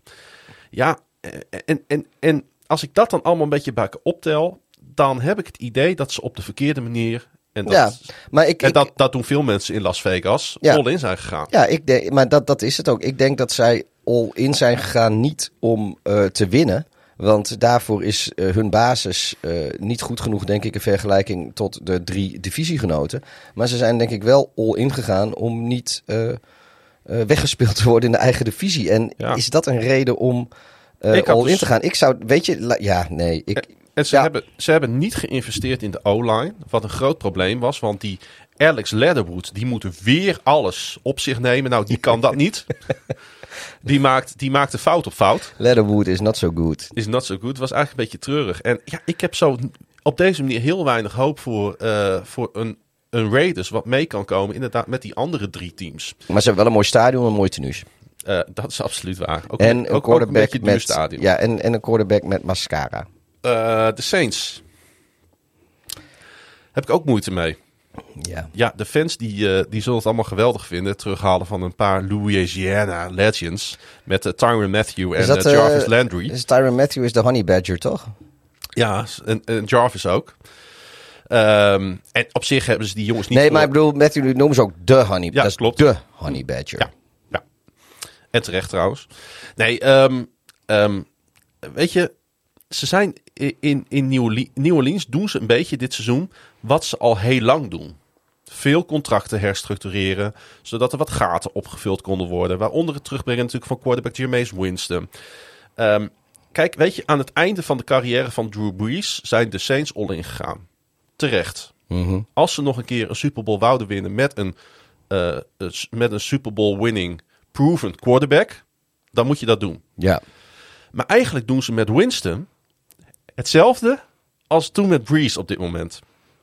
Want weet je, hoe de fuck ga je, kun je met de cap space situatie van de Saints in 2023 geen eerste ronde pick hebben? ja, dan heb je een probleem. Dan heb je toch een probleem? hey, zou dit... eh, zouden de Saints niet, eh, niet eh, Baker Mayfield over kunnen nemen? Zo, nou, weet je, Browns, als jullie de helft van het salaris betalen, betalen wij de andere helft. Hebben ze Baker Mayfield of James Winston? Ja, Wie zou jij het liefst... voor het spektakel, James Winston. Nee, maar als jij, eh, als jij wat wil... Sportief, ja. Eh, Want ze zijn eigenlijk een beetje... Wat, ze, ze hebben ook nog eens, wat ik echt niet snap. Ze zijn omhoog gedraft in de... eh, in de in Omhoog de- getrade Omhoog getrade in de draft voor Chris Olavi.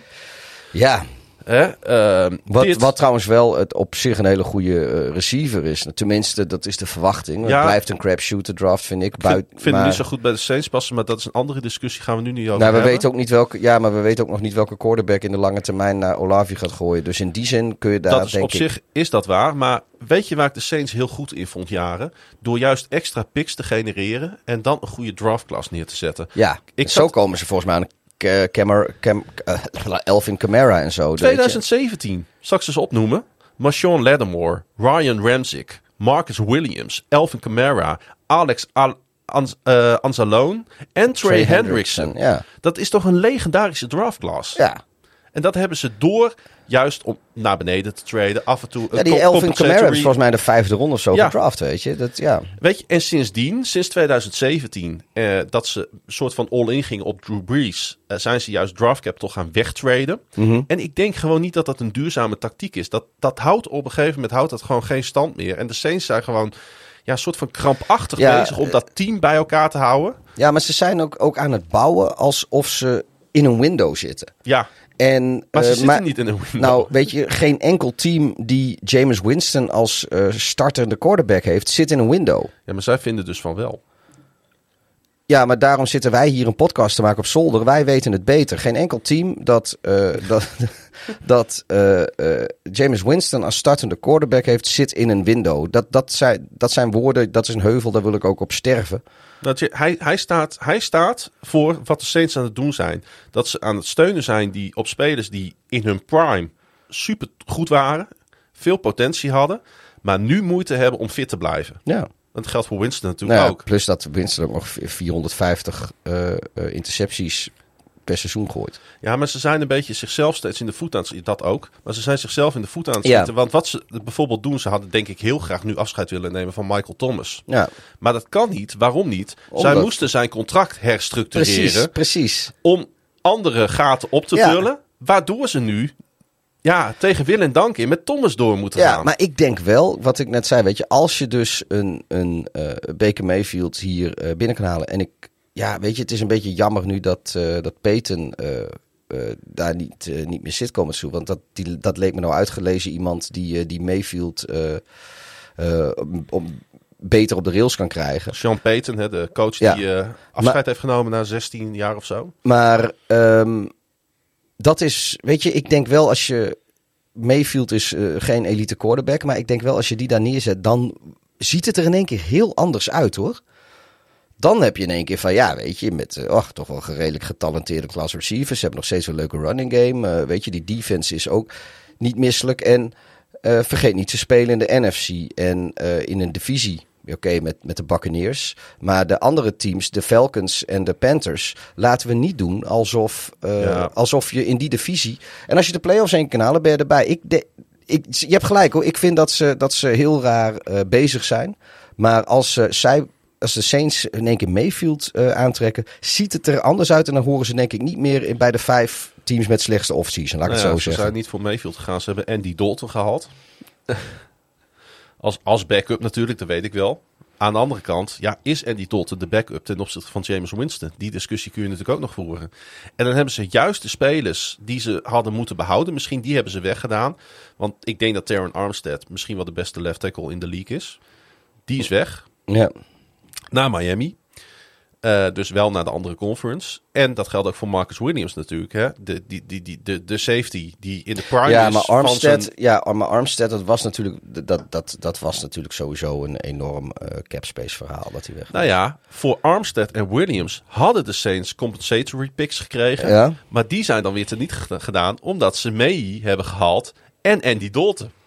Dus die Ja, extra picks ja. zijn ook nog aan hun neus voorbij gegaan. Ja. Nou ja, goed. eh, wat ik zeg, ik, Ik blijf- zeg niet dat de Saints een Oh. slechte franchise zijn, want daarvoor hebben ze in het verleden te veel resultaten geboekt. En ze, zijn, ze hebben één, één Super Bowl ja, maar ze zijn wel, en, ze en, zijn wel vaak competitief en, geweest en, de laatste en- 15 jaar. Ja, maar eh, ja, nou, ik, ik blijf erbij. eh, weet je, zoals als je dit zo op een rij zet, hebben ze echt een, een heel eh kloterig offseason. Daar zijn ze echt heel raar bezig. Nou ja, ik maar denk, als zij dus in één keer een, een Baker Mayfield of een van die, ja weet je, ze zijn ondertussen al vergeven. Maar als zij, eh, weet ik veel, als zij eh, eh, Matt Ryan hadden binnengesleept voor een seizoen of wat dan ook. Dan zag het, ziet het er in één keer heel anders uit voor ze, vind ik. Dan, Goed. dan lijkt het allemaal niet meer zo slecht. Pieter, de Arizona Cardinals. Ja, die hebben ook een kutseizoen. Ja, hoe lang, Of een kut offseason. ja, hoe, lang, hoe lang zitten we al te wachten op een doorbraak van de Cardinals? Ja, al heel lang. Maar hoe, hoe, voordat we weer gaan, gaan praten over, over de spelers en de Mhm. nummers en... Die quarterback van ze, hè? Ja, Hoe gelukkig is die? Wat, dat, dat, was toch, dat, dat, dat ging toch ook allemaal raar? Hoe zit dat nu? ja Kyler Murray die eh, tijdens dit offseason inderdaad alles van de Cardinals van zijn social media verwijderde. Ja, maar de, de Cardinals zelf waren toch ook niet zo te spreken over hem? Die, er er werd toch ook van, van binnen het gebouw, zeg maar, van binnenuit het team, Nou ja, toch ook dat is- ze hem, hem kwalijk Hij is een namen dat beetje de omgekeerde Lamar Jackson. Lamar Jackson die moet met een contract bezig. En Kyler Murray die zit alleen maar te hameren op een nieuw contract. Ja. En de Cardinals zeggen juist van doe maar rustig aan mijn jonkje. ja, want het is jouw schuld dat we uit de playoffs zijn. Waar ik, waar ik trouwens, dat vind ik ook een wat ge- ongenuanceerde manier van het bekijken. Maar het schijnt echt dat dat een beetje het sentiment was in de, in de building van, eh, van de Cardinals. eh. Maar ook bij de Cardinals zijn beslissingen genomen waar ik weinig van snap. Ik heb echt, ja, het is voor Baltimore heel best wel oké. maar ik heb heel weinig begrip voor de eerste ronde pick die ze naar Baltimore hebben gestuurd voor Hollywood Brown. Ja. Kijk, dat is een prima receiver, hè? ja, maar geen eerste ronde pick. Nee, en die gaat ook beter gedijen, denk ik, in de offense van de Cardinals dan in de offense van de Ravens. Dat denk ik ook. Maar ik had veel liever gezien dat Arizona gewoon een draftpick had gebruikt voor een van die top wide receivers in deze draftclass. Had in gewoon plaats gekund, van hè? deze gekke trade. Dat had gewoon gekund, ja. Want dan zit je ook gewoon een. Als, ja, dan zit je Op er ook een vier 23, hè? seizoen. Ja. zij prima een wide receiver. eh, Ja hoor, er waren genoeg, eh, genoeg wide receivers te krijgen. En, en ja, dan zit je er weer lekker vier jaar. eh, heb je ze op een rookie contract. 50-year option eventueel als je in de eerste ronde draft. en ja. zij zijn cap-strapped. Een Ja. van die teams die, die echt geldproblemen hebben. Ja, Ze gaven veel te veel geld uit een voor die. Zach Ertz. Ja. Ja. die echt bij de Cardinals niet per se beter presteert dan bij de Eagles. ja, maar hij, weet je. Terwijl ze in de draft, in de tweede ronde, voor een tight end gingen.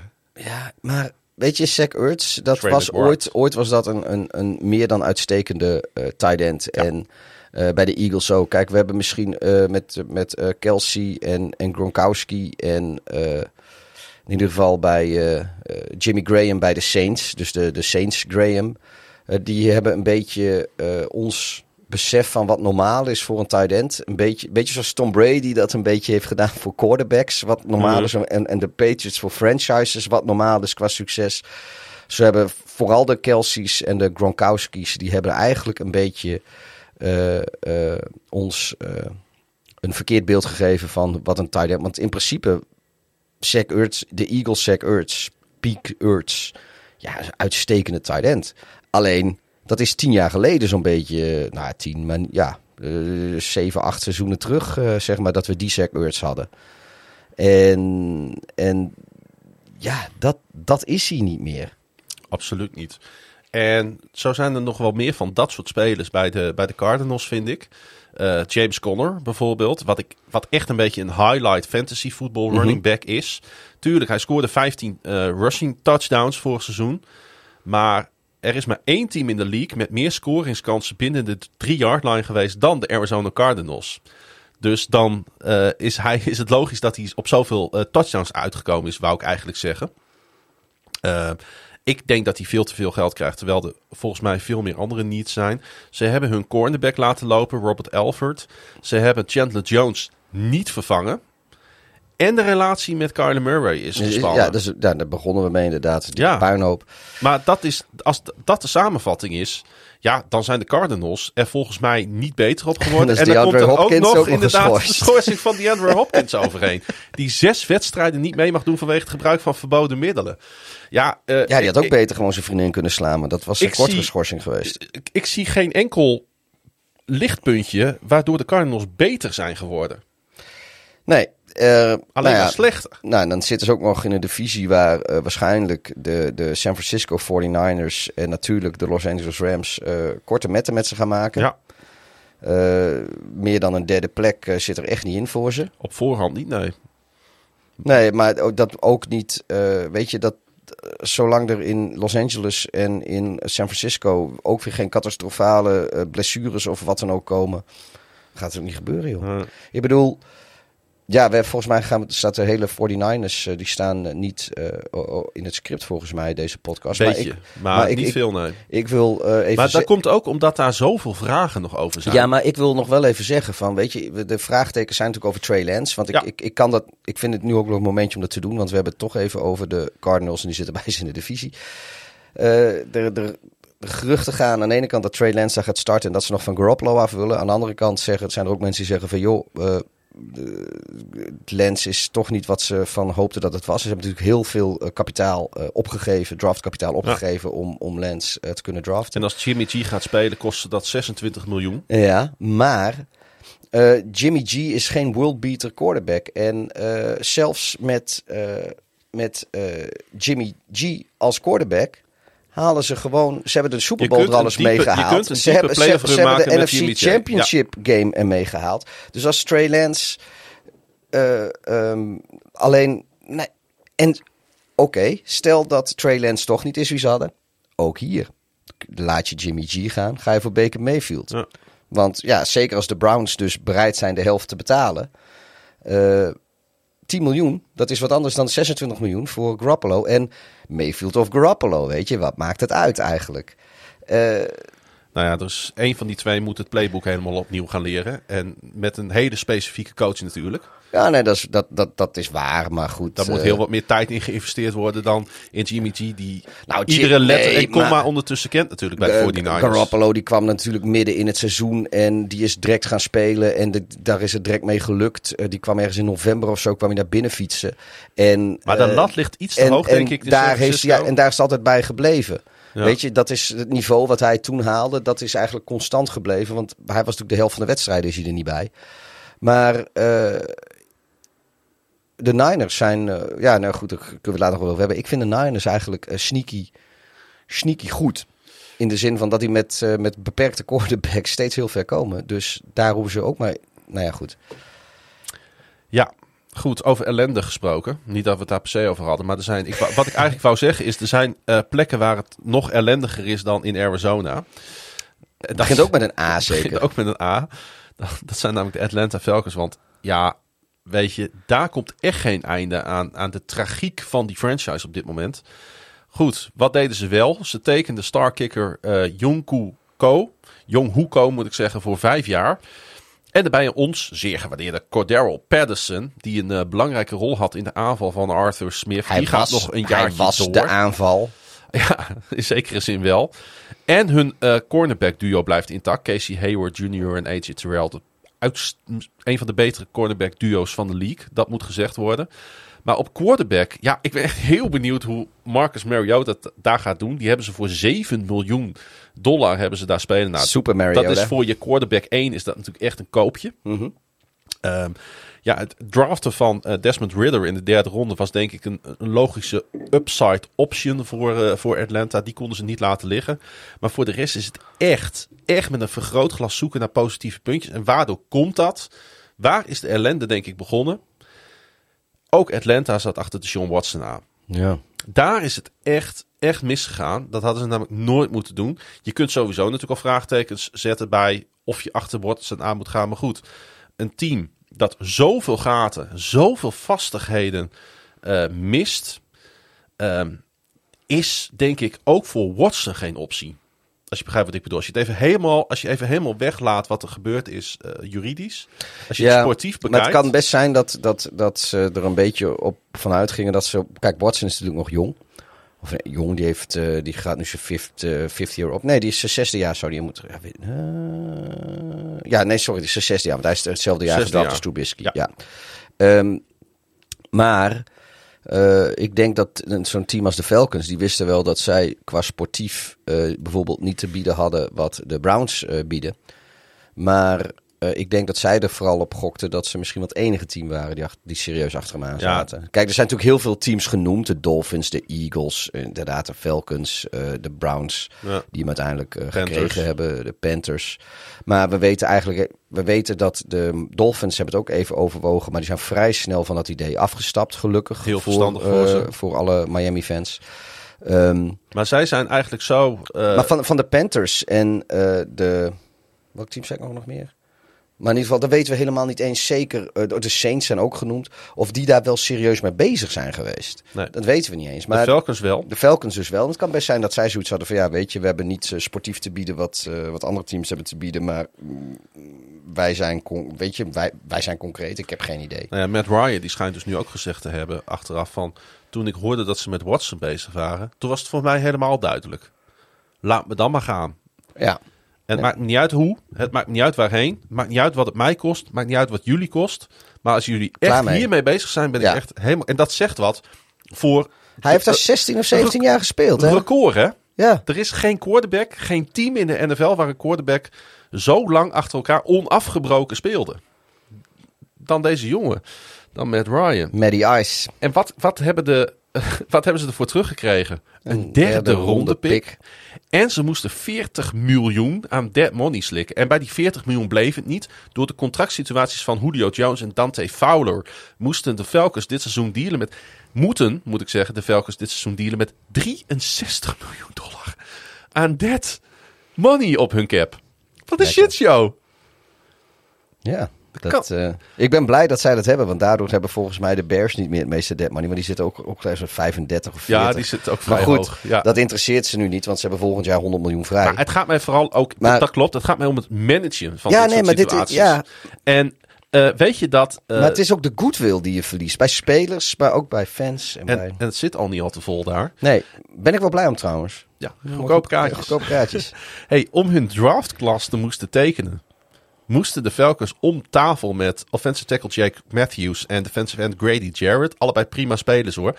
Maar Matthews heeft nu het op zes na vetste contract onder offensive tackles. En Jarrett noteerde één sec vorig seizoen. Ja. En eigenlijk is dit een beetje dezelfde situatie als die, waar we het net bij de Saints over hadden. Dat je dus jezelf zo in de nesten werkt dat je met contracten moet gaan rommelen. En uiteindelijk gaat dat dus mis. Ja hier onderscheiden toch ja, uh, de, de, de goed gemanagede franchise zich van de niet goed gemanagede franchises. Ik, ja, maar weet je, Atlanta is heel lang hebben die. Uh, uh, ja, oké, okay, ze hebben een keer die Super Bowl gehaald. Ze hebben hem natuurlijk niet gewonnen. Maar ze waren in principe een vaste gast in postseason met, met Ryan. Ik snap ja. ook niet wat, wat, wat daar misgaat. Ik, ik, ik snap wel dat ze op een gegeven moment net iets meer wilden dan relevant zijn. Want, want meer dan relevant zijn waren ze niet. Ze waren natuurlijk nooit een binnen fans. Maar ja, goed, ze hebben een keer die Super Bowl gehad die ze eigenlijk ook gewoon hadden moeten winnen. En dat lag niet aan dat het team niet goed was. Het was puur uh, playcalling. En uh, nou ja, goed, daar, daar hoeven we ook niet, uh, niet te veel woorden aan vuil te maken. Maar, en de tegenstander? Ja, nou ja, goed. Die, op het moment dat je dus playcalling wat stekens laat vallen, dan ja. heb je een tegenstander en een coach en een quarterback tegenover je staan die, die, die, die ruiken bloed. En dan is het gewoon gebeurd. Maar ja, wat, wat is er. kijk, voordat ze in de Super Bowl speelden, was die organisatie ook al, al dik tien jaar super stabiel. En nu, zeg maar, in de. Het is nu vijf jaar geleden of zo, die Super Bowl van ze. Die ze verloren hebben, een jaartje of vijf. Hoe kun je. Hoe, hoe... Kijk, de Eagles die zijn natuurlijk ook van een cliff afgesodemieten na een Super Bowl winst. Of een Super Bowl, we het Super Bowl deelnaam houden nu, want de Falcons wonnen dus niet. Maar die zitten nu al wel weer gewoon, zoals wij eerder uh, betoogd hebben in deze uh, geweldige podcast, uh, in de lift. Ja. Tenminste, daar, dat vinden wij. Zelfs de Texans zitten meer in de lift dan de Falcons. Ja, en, en de, De Texans ik- hebben drie eerste ronde picks overgehouden aan het Watson-verhaal. Ik zou, eh, ik zou wel eens eh, willen weten, ik ga me er misschien maar eens in verdiepen, wat, wat daar misgegaan is in de afgelopen vijf jaar. Dat ze van, van perennial eh eh playoff deelnemer, deelnemer Ja, ik kan me geweldige wedstrijden herinneren. Bijvoorbeeld tussen de Saints en de Falcons. Dat waren altijd wedstrijden om voor wakker te blijven. ja. En dat waren ook altijd eh, shootouts Ja. tussen, tussen Breeze en Ryan, ja. Nee, nou ja, goed. eh, ik, ik weet natuurlijk nog de, de Bears, die hebben er ook eh, soms heel, hele mooie wedstrijden daar gewonnen. Ook, ook hele lastige wedstrijden daar gespeeld. Ook, want ja, die, die hebben ook eh, eh, heel veel eh, tegen elkaar gespeeld in de 2010's eh, vooral. Volgens Maar- mij spelen de Ravens thuis tegen de Falcons met kerst. Nou, een beter kerstcadeau kun je niet krijgen dit jaar. Nee.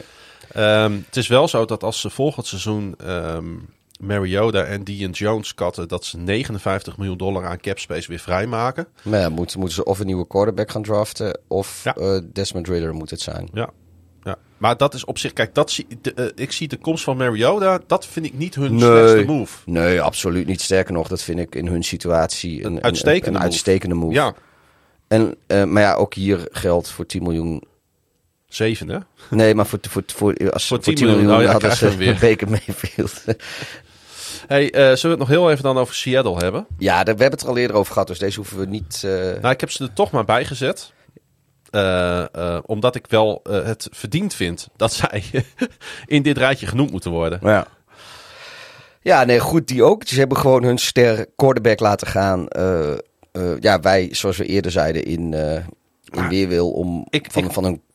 Ja, ze wil, het was waarschijnlijk Carroll of, of Wilson, dat, Ja. dat denken wij. Maar Ja. ik blijf er nog wel. Volgens mij wilde Wilson, die was er wel klaar mee. Of dat nou is omdat de, de franchise voor Carroll koos... of dat Wilson er sowieso wel klaar mee was. Daar, daar zaten kraakjes in, Maar- het, eh, in het huwelijk. Het is meer dan dat, weet je. Want Ja, ik, hoorde, nee, ik hoorde Pete Carroll deze week zeggen dat hij ongelooflijk tevreden is met de quarterback situatie. Dus met eh, Drew Lock en hoe heet onze grote eh, vriend ook alweer? Ehm, Gino Smith. Ja, joh, de- Dat zijn zijn twee opties. Houd toch op, man. Ehm, weet je wat ze gekregen hebben van Denver? Daar gaan ze de oorlog niet mee winnen. Ehm, maar er is, er is nog wel wat meer aan de hand. Want ook op andere posities zijn er problemen. Want als dit het nou was, dan kun je het misschien inderdaad nog een beetje opvangen. Omdat je basis stabiel is. Want er zijn grote zorgen over de toekomst van eh, Chris Carson, de running back. Die een heftige nekblessure heeft. Dus werd Rashard Penny geresigned. En gingen de Seahawks in de Maar twee... Penny, die is toch ook al drie jaar niet goed meer? Nee, precies. Als, als het niet langer is, of Dus- ben ik nou... eh, Dus wat moesten de Seahawks doen in de tweede ronde van de draft? Voor een running back gaan. Ken Walker III, wat een paniekpick is geweest. Want ik denk niet dat het per se nodig is om in die ronde een running back te nee, pikken. ook al, ook al is running back een echte need. Je hoeft echt niet voor ronde vier of vijf een running back te kiezen. ja, ga, dan, ga, dan, ga dan voor een andere positie. Eh Fent, die neemt natuurlijk de plek in van de vertrokken Gerald Everett. En dus is het des te schokkend. Weet je, als je het hebt echt over een schokkende eh, eh, beslissing hebt. Dat Seattle tight end Will Disley een driejarige deal te, waarde, te waarde van 24 miljoen dollar heeft gegeven. Dat is tight 1. eh tight 1 zeg maar geld voor een speler die nooit meer dan 262 receiving yards noteerde in één seizoen als een pro. Het is een redelijke blokker. Maar voor dit, dit geld moet je toch minimaal een Gronkowski-level blokker zijn. Hoe Ja. kun je 25 miljoen uitgeven aan een tight end die niet eens ballen vangt? En af en toe wat blokt. Weet je, het zou, eh, het zou leuk zijn als ze dat hadden gedaan als Wilson er nog had gespeeld. Weet je, die, die kon ieder stukje bescherming op de, Ja, op de lijn kon hij wel gebruiken. Dat was ook voor de... het is gewoon de verkeerde beslissing op het verkeerde moment, weet je. Ja, En laat ik het dan ook afronden. Seattle Seahawks hadden Wilson moeten behouden. Hadden Carroll moeten ontslaan. Punt. Als, als de keuze zo simpel is als jij hem nu stelt Mhm. en wij zitten hier op zolder, dus wij weten dat, dan heb je daar inderdaad gelijk in. Geef ik helemaal gelijk in. Ik, eh, ik, maar dat zei ik net ook al, het is wel zo als eigenlijk de keuze van Wilson al een beetje vast stond dat hij weg wilde. Dat hij, eh, dat hij klaar had daar. Dan vind ik wel, ondanks dat ze niet de absolute hoofdprijs hebben gekregen, dat ze alsnog wel eh, redelijk wat hebben gekregen van, eh, van onze vrienden eh, uit Denver. Maar goed, het is niet iets waar je de oorlog mee wint. Pieter, Ja, weet jij ook enigszins getroffen door het nieuws dat Ryan Fitzpatrick, de Harvard-educated quarterback, stopt. Ja, ik was een beetje... Ja, ik was geschokt en toch ook wel een beetje verdrietig. Negen teams volgens mij heeft hij voor gespeeld in eh 17 seizoenen. Daar mocht hij zijn Fitzmagic tentoonspreiden. Ehm ja, eh, publiekslieveling van bijna iedereen hè. Ja.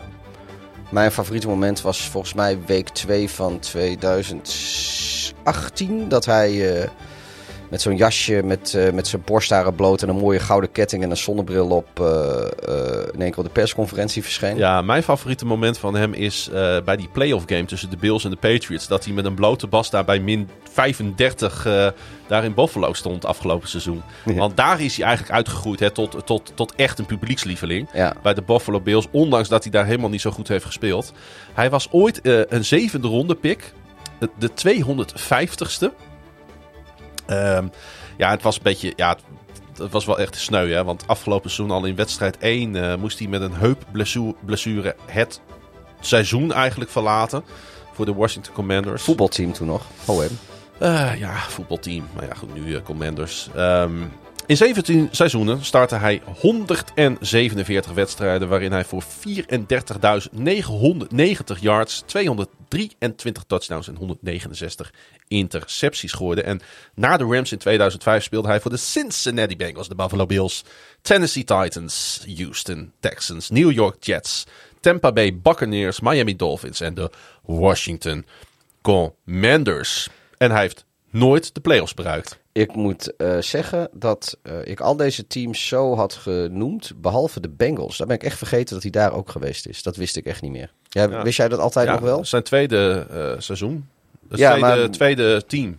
Wist jij, wist jij dat hij in twee... Zeg maar, als, als ik dat... Als je niet dit script geschreven had, maar... eh, dan zeg van, joh, weet je, wat zijn de teams geweest van eh, Fitzpatrick? Ik, had, eh, ik was een heel eind gekomen met al die andere teams had ik genoemd. Maar ik denk dat de Bengals... Was ik nooit meer opgekomen. Was, ik ben, is echt helemaal... Was, ben ik dat kwijt dat dat gebeurd is. Maar goed, Hij heeft er... eh, goed verhaal. eh, Ja, hij is ervoor gestart. Ik, vond, eh, ik, ik, ik moest terugdenken aan een moment van hem dat hij het dichtst bij de playoffs is geweest. Dat was met de Jets in 2015. Die toen ondanks een 10-6 record het naseizoen misliepen.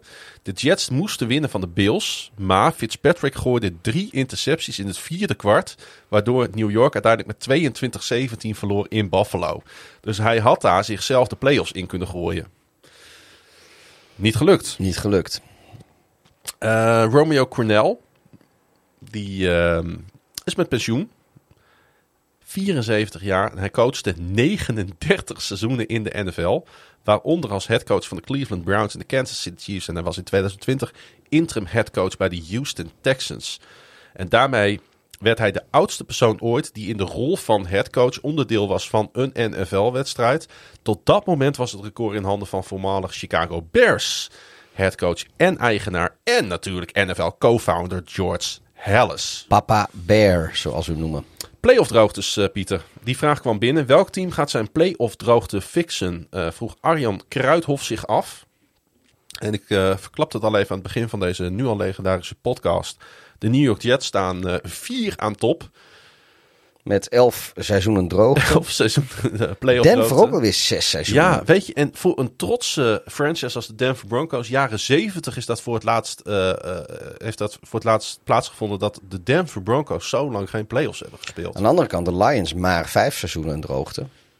Eh, Dolphins en de Giants eh, net zo. Vier seizoenen voor de Falcons, de Panthers en de Jaguars en de Los Angeles Chargers. Drie seizoenen.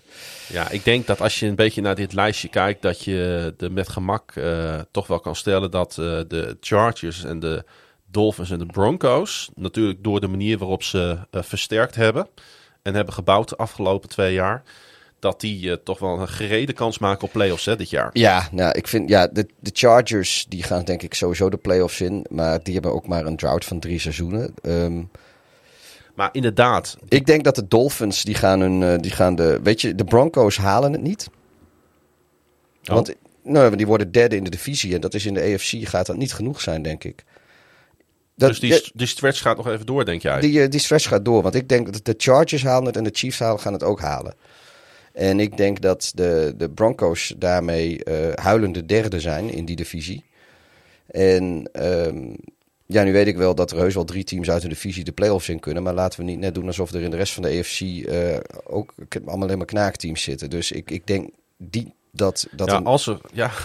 En dit zijn wel alle drie teams die natuurlijk allemaal een beetje op dat randje zitten. Mhm. Van wel of geen play-offs. Dus- de Dolphins zijn natuurlijk ook een team wat al jarenlang... Wat, dat ze er ergens tegen aanschurken, maar het Ja. net niet lukt. Ja, maar goed, weet je, de Dolphins die gaan het halen. Misschien wordt dit wel het jaar van Tua, waar hij het eindelijk gaat laten zien. En eh, Nou, ik kan je vertellen, dit is het jaar dat Tua het moet gaan laten zien. ja, ja. Als je kijkt naar wat zij nu voor hem eh Nee, precies, gezet. precies. Dus ik ga er nu even vanuit dat hij, het, dat hij de, de potentie waarvan heel veel mensen de, hopen dat hij het heeft, of, of denken dat hij het heeft, dat dat eruit gaat komen. En dan eh, gaan de Dolphins, die gaan ook gewoon de playoffs in. Heb je dat een beetje meegekregen trouwens, wat Tyreek Hill, eh, Hill aan het doen is in de, in de pers?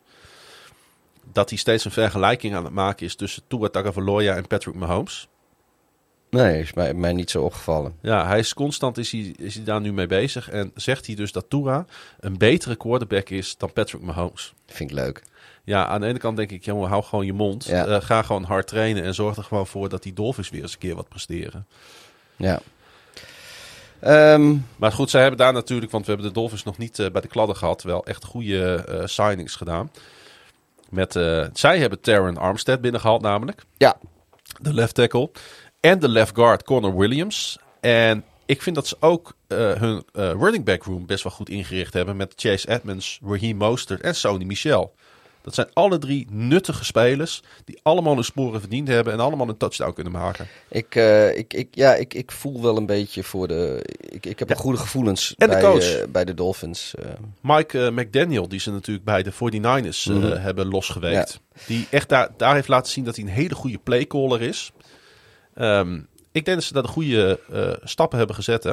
Ja, ik, eh, ik stiekem verwacht ik ook gewoon. eh, dat ga ik ook gewoon zeggen, weet je. Ik kan mij uitschelen, het is juni. De Dolphins gaan boven de Patriots eindigen in de divisie. Gaan we naar het volgende blokje.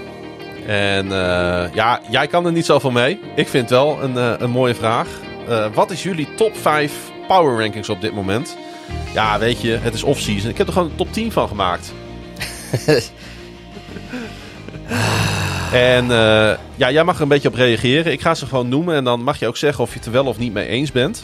Eh, ik heb de Bills op één gezet, Pieter. Ja, dat, eh, da- daar hoeven we niet lang over te vechten. Dat, dat, dat ben ik denk ik wel met je eens. Op papier. Weet je? Ondanks dat ze niet in de Super Bowl speelden. Mhm. niet eens in de AFC Championship game stonden.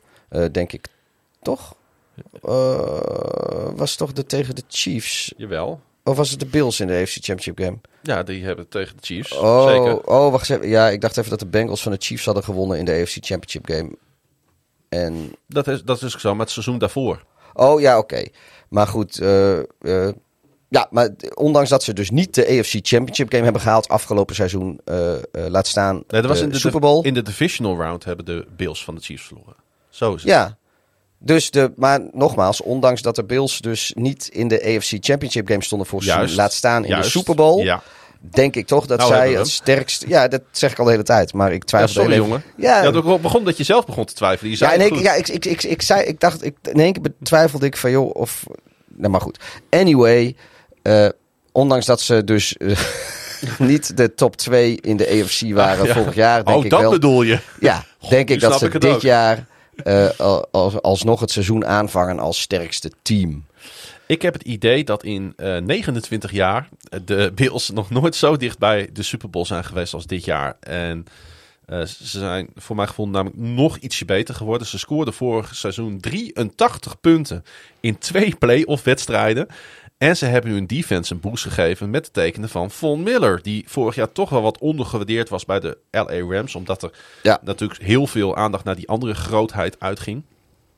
Ehm, eh, ik moet wel eerlijk zeggen, eh, het schema is moordend voor de Bills. Ehm, eh, ze moeten het in de eerste zeven wedstrijden onder andere opnemen tegen Matthew Stafford, Lamar Jackson, Patrick Mahomes en Aaron Rodgers. Nou, Ja. ik denk dat we na een week of acht wel echt wel, eh, dat is bij heel veel teams natuurlijk zo. Maar dan weten we echt wel of de Bills echt legit zijn voor wat ik denk dat ze zijn. Als zij dit gewoon allemaal winnen, dan... eh, Maar wat ik gewoon vooral vind, is dat, ehm, en dat vond ik vorig jaar ook al, de manier waarop die Brandon Bean, die general manager, daar een ongelooflijk uitgebalanceerd roster weet neer te zetten. Wat een soort worrying about today, prepping for tomorrow, urgentie uh, heeft. Als je begrijpt wat ik daarmee bedoel. Ja. Dat, en het is nu goed. En ik denk ook dat het voor later goed is. En dat is het allermoeilijkste in de NFL. Um, Stefan Dix heeft een nieuw contract gekregen. Weet je, dat speelt ook niet meer op de achtergrond. Ja, ze zijn die, die, die ruis van die, van die antifax wappie van, van, een Beasley, zijn, zijn, ze, ook, uh, zijn ze ook klaar mee. En daar hebben ze een goede speler voor in de plaats die is nog steeds free agent, hè? Die ja, is volgens mij nog, die is nog nergens nee. uh, aan de bak gekomen. Nee, dat zegt ook wel wat, hè? Ja, misschien moet zich laten vaccineren, dat teams hem dan weer willen hebben. Dat zou best kunnen, want COVID zou natuurlijk best wel weer een rol kunnen gaan spelen dit, dit najaar, ja. Ik sluit echt niet uit, en dat meen ik serieus dat dat ermee te maken heeft. Ze hebben Jameson Crowder Ik ook, ook niet, dat was, dat was voor de verandering is geen grap. Nee.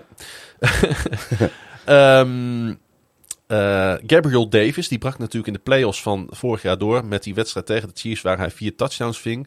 Ze hebben twee goede tight ends met uh, O.J. Howard en uh, Dawson Knox. Ja, ik, um, ik ben fan van dit team. Ik ben fan van dit roster. En als de Bills het echt goed gaan doen, dan hebben ze natuurlijk het grote voordeel dat de playoffs in de AFC door het knijterkoude Buffalo gaan.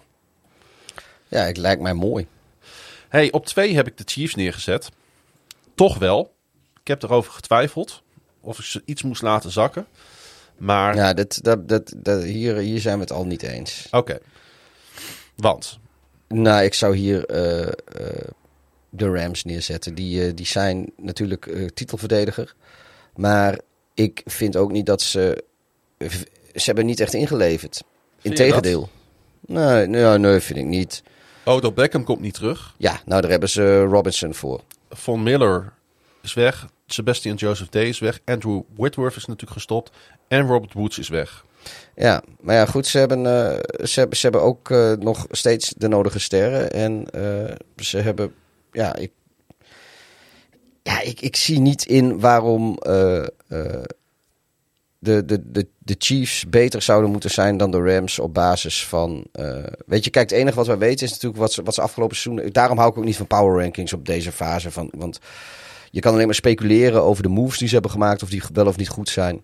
En we weten allemaal uh, hoe, het in de, hoe het sportief ging in de wedstrijden vorig seizoen. En nou, ik vind, eigenlijk vind ik ook dat tot de eerste wedstrijd gespeeld is, dat de Rams sowieso uh, nummer 1 moeten zijn. Want zij zijn natuurlijk titelverdediger. Ik gaf hem je dat, uh, dat je de Bills gaf, want dat vond ik dan zelf ook wel. Maar de Rams zijn sowieso twee. Laat ik het zo zeggen. Ik ben iets meer fan van de manier waarop de Chiefs met hun roster bezig zijn. Ik vind dat de Rams zijn nog steeds een beetje all-in aan het gaan. Terwijl de Chiefs hebben ervoor gekozen om afscheid te nemen van Hill en van Tyron Matthew. Um, daarvoor hebben ze wat goedkopere spelers gehaald. Ze hebben wat meer kunnen draften ook dan de Rams dat hebben gedaan. Dus ik heb gewoon het idee, en daarom heb ik ze op twee gezet, dat de Chiefs wat duurzamer zijn dan de Rams. Maar goed, de Rams uh, staan gewoon wel als beste NFC-team in deze power rankings. En dan heb ik de Chargers op 4 staan. Ja, dat vind ik wel een mooi plekje. Het wordt een beetje de rode draad van deze aflevering, maar go Chargers. Ja, nee, maar ik, ik, ik, ik, ja, wat ik zeg, ze zijn aanvallend zijn ze sterker geworden. Ze hebben hun verdediging gewerkt. Nou, dat moest ook wel, want alleen de Jets en de Lions uh, die gaven meer punten op vorig seizoen. Ja. Uh, Kijk, het kan, best wel, het kan best wel zijn dat de Chargers niet het derde AFC-team zijn uh, als je daar aan het eind van het seizoen. Maar dat heeft meer te maken met hun divisie dan met hun kracht. Want ik denk dat in alle drie de andere AFC-divisies de Chargers fluitend met de divisietitel aan de haal gaan. Denk ik echt. Ja. Beetje, beetje chargeren moet kunnen natuurlijk. Hè? Maar ja, in alle andere divisies win, winnen de Chargers gewoon.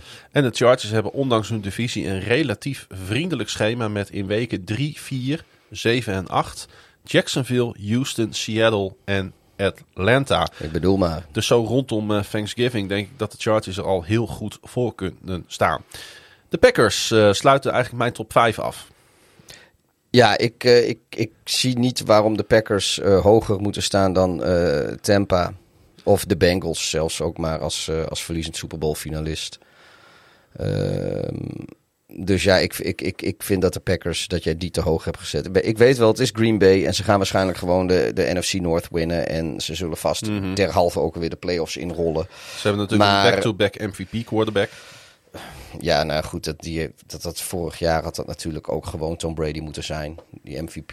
Ik weet niet waarom hij dat gekregen heeft, maar het zal wel, uh, het zal wel hekserij geweest zijn. maar nee, ik, ik, ja, ik, ik niet. Kijk, iedereen weet dat ik niet, eh, niet fan ben van, van de Packers. Maar ik vind ook, ik, vijf vind ik te hoog voor ze.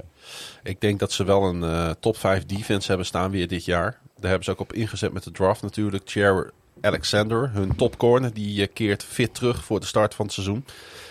En ik heb gewoon weinig twijfels over wie de NFC North dit jaar Nee, ik ook Dat niet, zijn de maar- Packers. Maar dat, ja, ik, ik vind ze niet. ik snap, ik sowieso, ik snap niet waarom ze boven Tampa staan en eigenlijk ook niet waarom ze boven de Bengals staan. Ja, de Tampa Bay Buccaneers die komen nu. Ehm, met eh, natuurlijk Tom Brady in Ja. de gelederen. Ja, als, als, als die wel gestopt was, dan hadden de Tampa Bay nou, niet Ja. meer in de top 10 gestaan. Ehm, ja, de, de, de reden waarom zij ook, in de, eh, ook, ook toch wel vrij hoog staan op zesde plek is hun divisie. Want de Panthers en de Falcons, die gaan ze in totaal gewoon vier keer verslaan.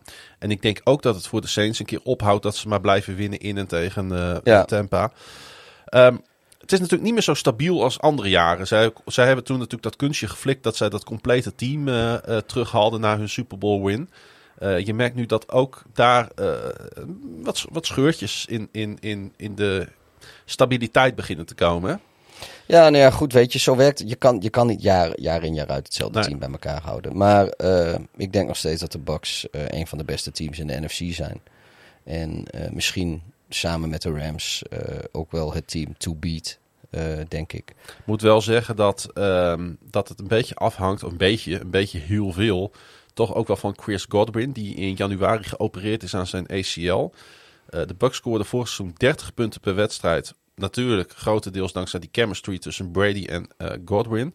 In de laatste twee volledige wedstrijden die Godwin heeft gespeeld, werd hij 32 keer getarget en ving hij 25 ballen.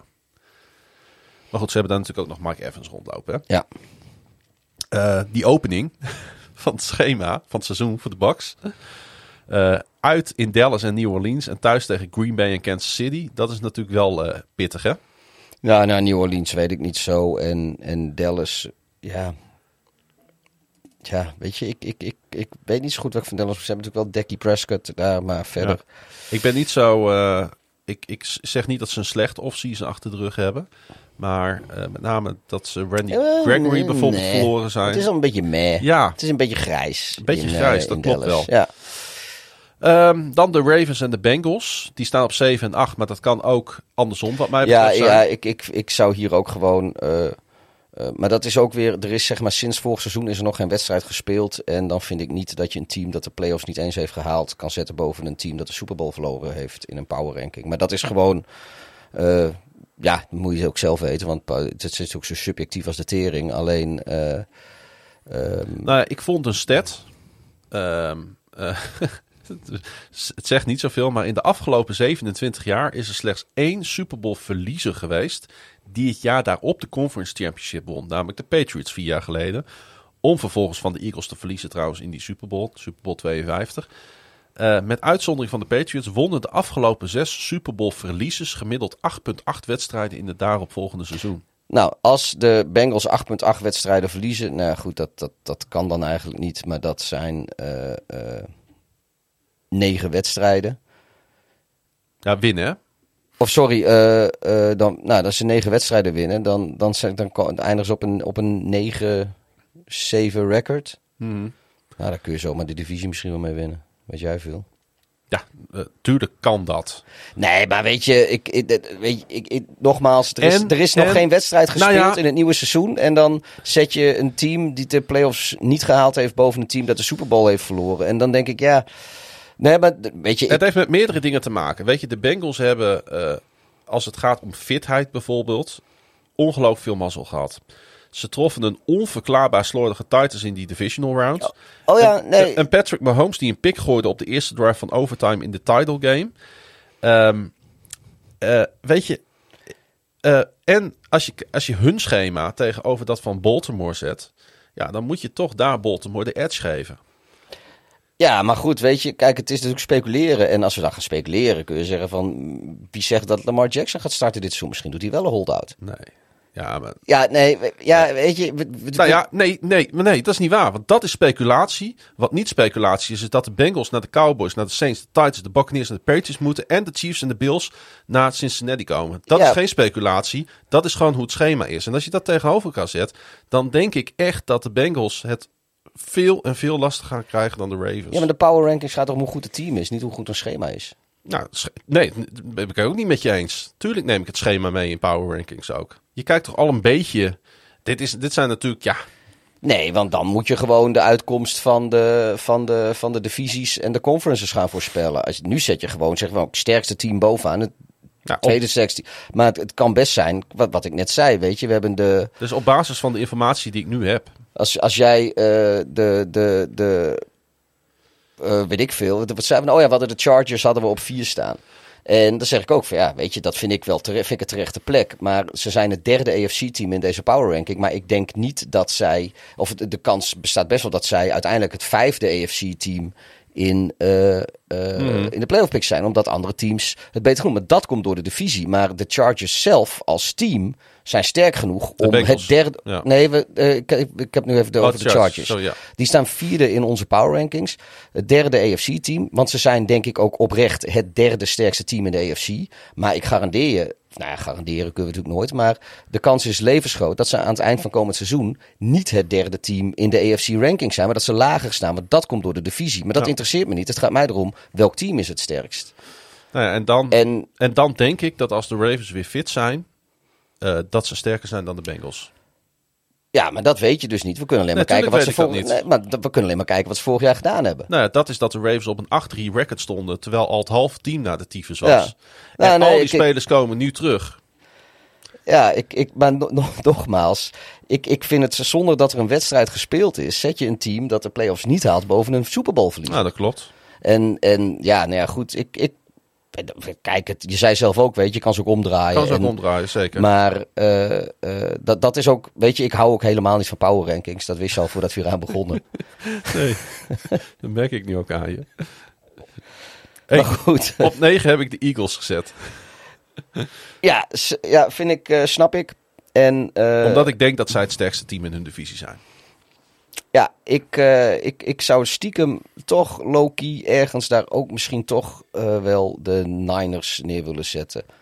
Eh, Ik heb ook heel erg getwijfeld hier hoor. Ja, ik, ik weet je, er zijn, ik denk wel dat de Eagles, eh, eh, die zouden zomaar eh, eh, heel, heel erg kunnen verrassen. Maar ik vind dat we ehm, de, de, de, de, de 49ers tekorten, als je ziet wat zij eh, de afgelopen jaren inderdaad eh, gewoon laten zien, keer op keer. Eh, afgelopen seizoen ook gewoon de, de NFC Championship game eh, gehaald. Eh, Er Op- zijn mij net iets... op, dat op, zeg- op Lambo ook gewoon de torenhoog favoriet. de Packers gewoon er even uitgetiefd. En ze hebben natuurlijk ook met, met, nou zijn we net met Jimmy Garoppolo, hebben ze gewoon de Super Bowl gehaald een aantal jaar geleden. Een heel groot deel van het team is er nog steeds, van de staf ook. Of Trey Lance is, gaat spelen, of misschien inderdaad wel Garoppolo. Eh, hoe dan? Ja, ik, ik zie niet een reden eh, eh, waarom de, de Niners niet weer een diepe playoff run kunnen maken op dit moment. Nou, omdat alles nog op de... Ja, dat klopt. Als je het spiegelt zoals, voorspiegelt zoals het is, zou dat kunnen. Maar we weten het nog niet. Nee, En- maar, maar met, met de recente verleden hebben de Niners het bewezen dat ze het kunnen. Ja, maar de, de Niners hebben laten zien vorig jaar nog dat ze het kunnen. En van de Philadelphia Eagles moeten we maar afwachten. Hebben, dus ook, dan, hebben ook playoffs gespeeld vorig jaar. ja, maar die hebben niet eh, eh, een diepe playoff run gemaakt. En eh, eventjes. Kijk, ik heb alle vertrouwen in de organisatie voor die Niners. Ik heb alle vertrouwen in Shanahan dat hij uitvogelt ehm, hoe hij zijn team moet laten spelen met welke quarterback dan ook. Ehm, dus ehm, ja, maar ik voel te veel onzekerheid over de 49ers om op dit moment ze een plek te geven in de top 10. Oké. Maar dat zou, dus over, dat zou dus over een paar weken zomaar anders kunnen zijn. Nee, maar ik denk ook gewoon dat de Niners, die gaan waarschijnlijk hun divisie niet winnen. Dat zijn de Rams. Ja. Maar ik denk nog steeds dat de Niners een beter team hebben dan de Eagles. En ik heb de Broncos op 10 gezet. Nou, vind ik prima. dan, gaan, dan gaan we daar niet meer over vechten. Nee. Ehm, Maar ik, ik zou dan de Niners op 11 zetten. of of de, ja, de- nee, de Eagles misschien op 11, 12 en de Niners zou ik op, op 9 ik, zetten. had, eh, ik had de Cowboys op 11 staan. Ik had de Titans op 12 staan. Oké. Goed. Ehm, er kwam nog een vraagje binnen van Henk. Die zegt: Welke grote namen hebben nog geen club? En welke club maakt de meeste kans nog eh, zo iemand te tekenen? Ja, er is niet zo heel veel meer over. Als je kijkt naar de top 100 eh, free agents, zoals die neer waren gezet door de diverse platforms, zijn er eigenlijk nog maar een paar spelers over. En ik vond de meest opvallende misschien wel Dwayne Brown, de voormalig left tackle van de Seahawks. Eh, want er zijn best nog wel een paar teams die een eh, goede left tackle kunnen gebruiken, vind Ja. ik. Ja. Ehm, hij speelde afgelopen seizoen nog Pro Bowl. Hij is 36, maar left tackles gaan over het algemeen vaak best wel lang mee. Sowieso, die offensive tackles. Ehm, ja, ik, ik, ik vind het apart waarom hij nog niet ergens eh, geland is, eerlijk gezegd. Ik snap het niet zo goed. En ik, had, eh, ik heb drie teams eh, even op een rijtje gezet waar die naartoe zou kunnen gaan. Nou ja, de Colts, want daar is de niet. Mhm. Die hebben wel een tackle gedraft van Central Michigan, namelijk Bernard Raymond.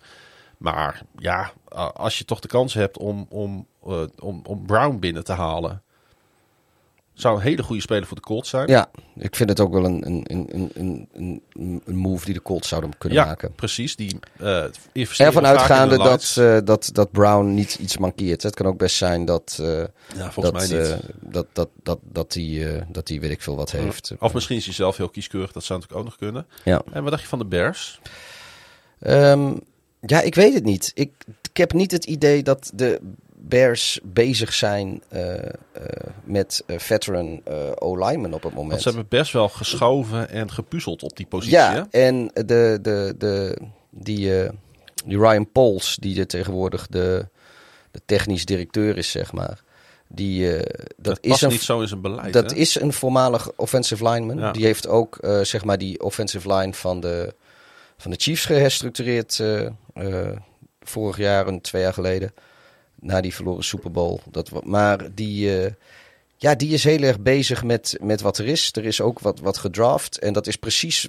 Zijn dat spelers met traits die hij graag wil hebben? Kijk, ze doet natuurlijk ook een beetje coachspeak.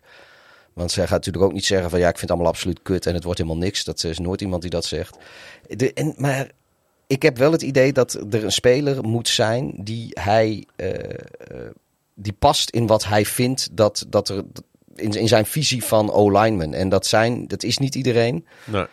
Maar ze hebben daar nu volgens mij die Larry Borm. eh, eh, Ja, daar, schijnen ze dus best wel tevreden over te zijn. En ze hebben ook laat in de draft hebben ze nog wat opgepikt. En ook daar, weet je, dus er zijn ook ondertussen zijn er beatwriters die bij, ja, de, weet je, er zitten van die halfslachtige trainingen zonder padding.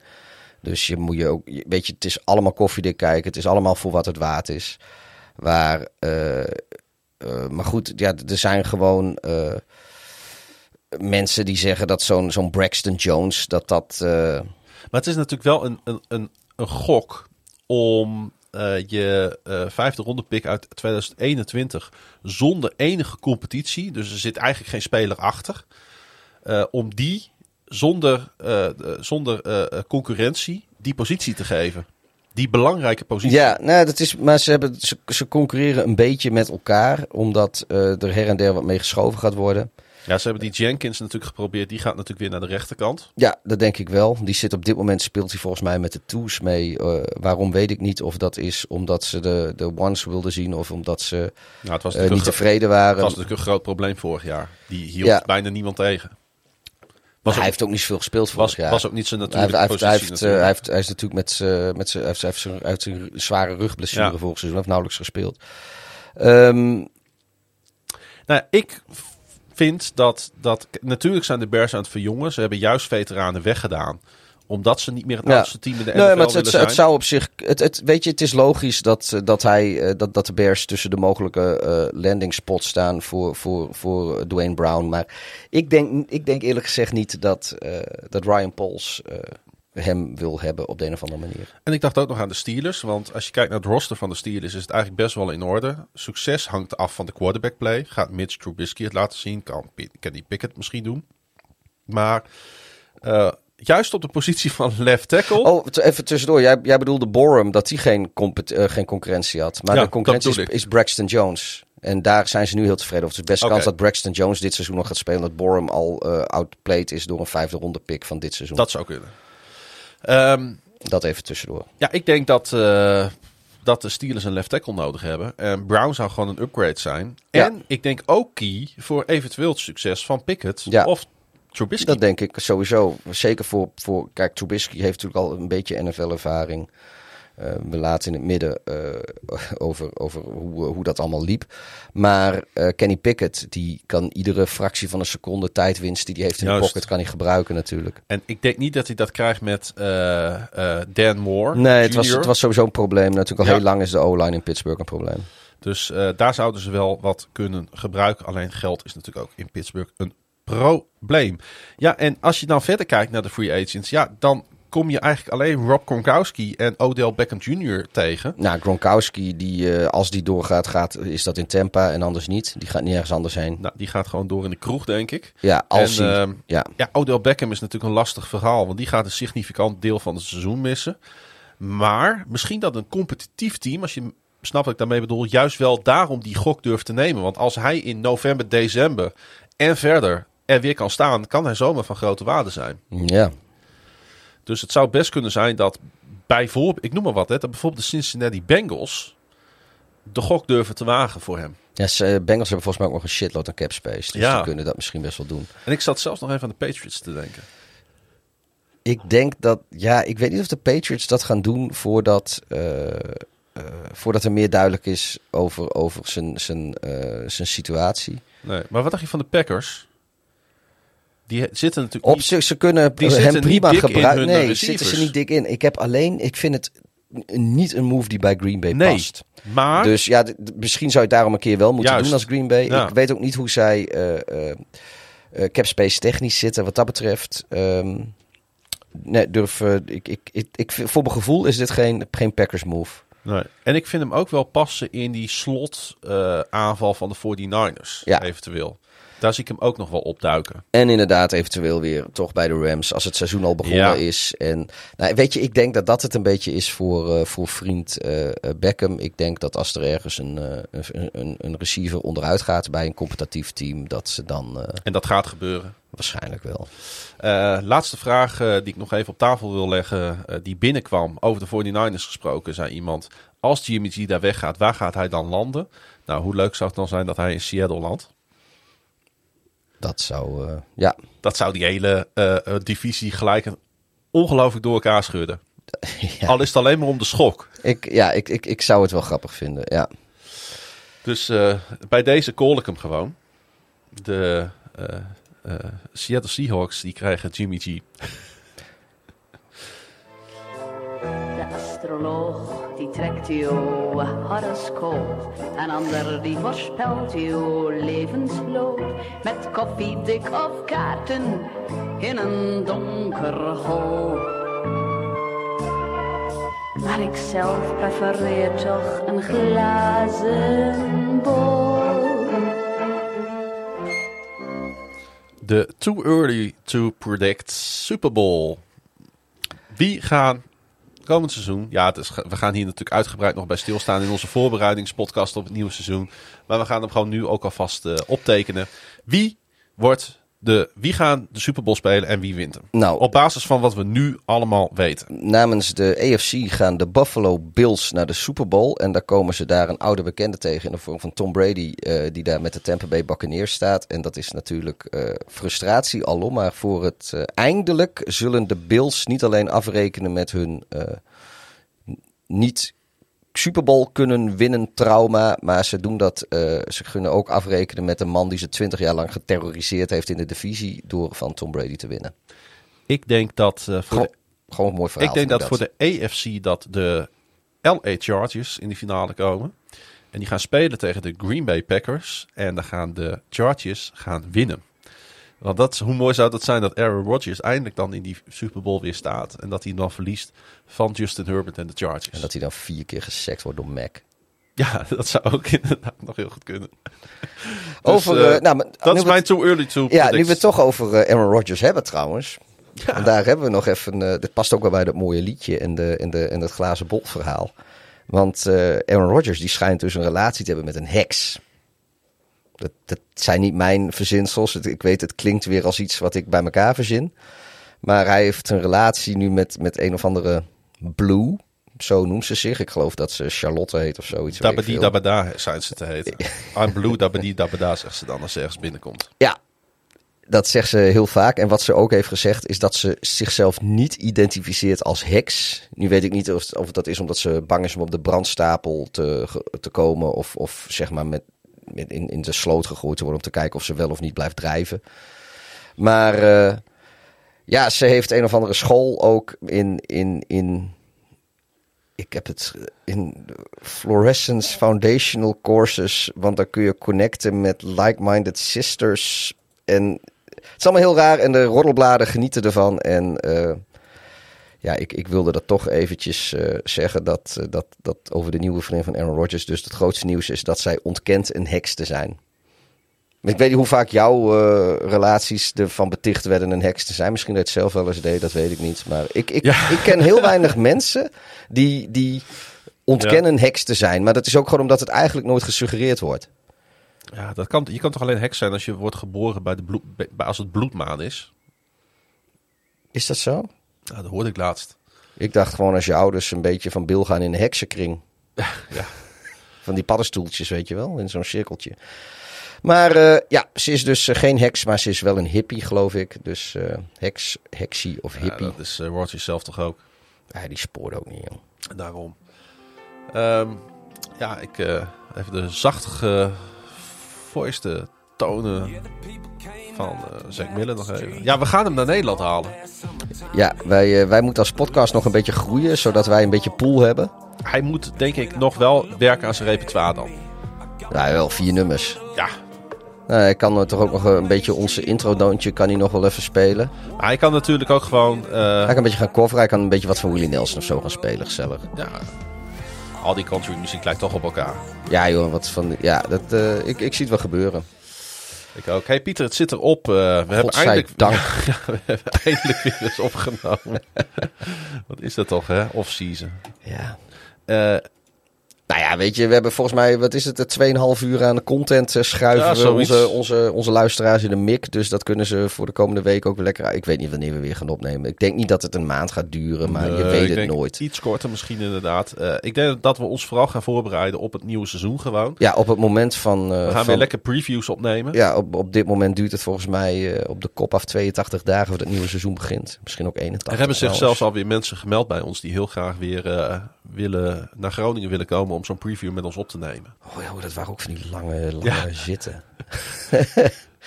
Maar daar ga je wel goed voorbereid het seizoen in. Dat is wel waar. Ik, eh, ik ben er ook wel weer benieuwd naar. We hebben nu eigenlijk ook alweer heel veel. Want ik moest echt, weet je, want ik ben natuurlijk eh, een maand lang eigenlijk allemaal met Donar bezig geweest. Ja. Als het om eh, podcast gaat en om sport. Ehm, het, ik vond het echt heel nuttig om deze podcast voor te bereiden. Ik denk, oh ja, die is daarheen gegaan. Oh ja, die ging daarheen. Oh ja, dit team staat er zo voor. Dat ja, ik, was, ik ben ook was voor. ding ook. Ik was helemaal vergeten dat eh, Von Miller ook alweer weer weg was bij de Rams. En dat hij dus. Buffalo zit hij nu. Ja. En dat, dat was ik eigenlijk ook een beetje vergeten. Ja, ja JC Jackson. Weet je, dat soort spelers. Khalil Mack. Dat wist ik wel. zijn toch wel wat grote moves geweest, hè? Ja.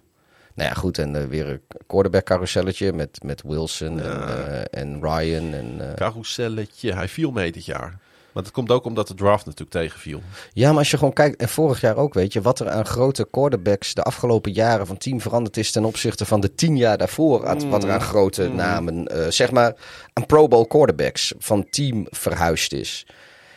Ja, weet je, dat, dat is, ik, ik blijf bij, is gewoon best veel, weet je. Met, met, met, ja, Wentz heeft het uiteindelijk niet zo heel veel klaargebakken, maar dat is wel een, een Pro Bowl quarterback. eh, met Wentz en Brady en, en Ryan en eh, Stafford. Wilson, Stafford. Eh, weet je, dat, dat, er zijn in de, geloof ik in de afgelopen vier jaar zijn er zeven of acht. Ik, ik vergeet er vast her en der nog wel eens. Zijn er voor, Trubisky heeft de Pro Bowl een keer gehaald. Maar, en MVP. Maar Ja. weet je, dat, dat, dat er zo... eh, volgens mij gaan er helemaal... voor mijn gevoel gaan er normaal gesproken niet zoveel Pro Bowl quarterbacks eh, eh, in, de, in de carousel als de afgelopen paar jaar. Nee. Goed, wij gaan, zoals ik al zei, gaan we ons voorbereiden daarop. Daar kunnen- komen alle teams aan bod.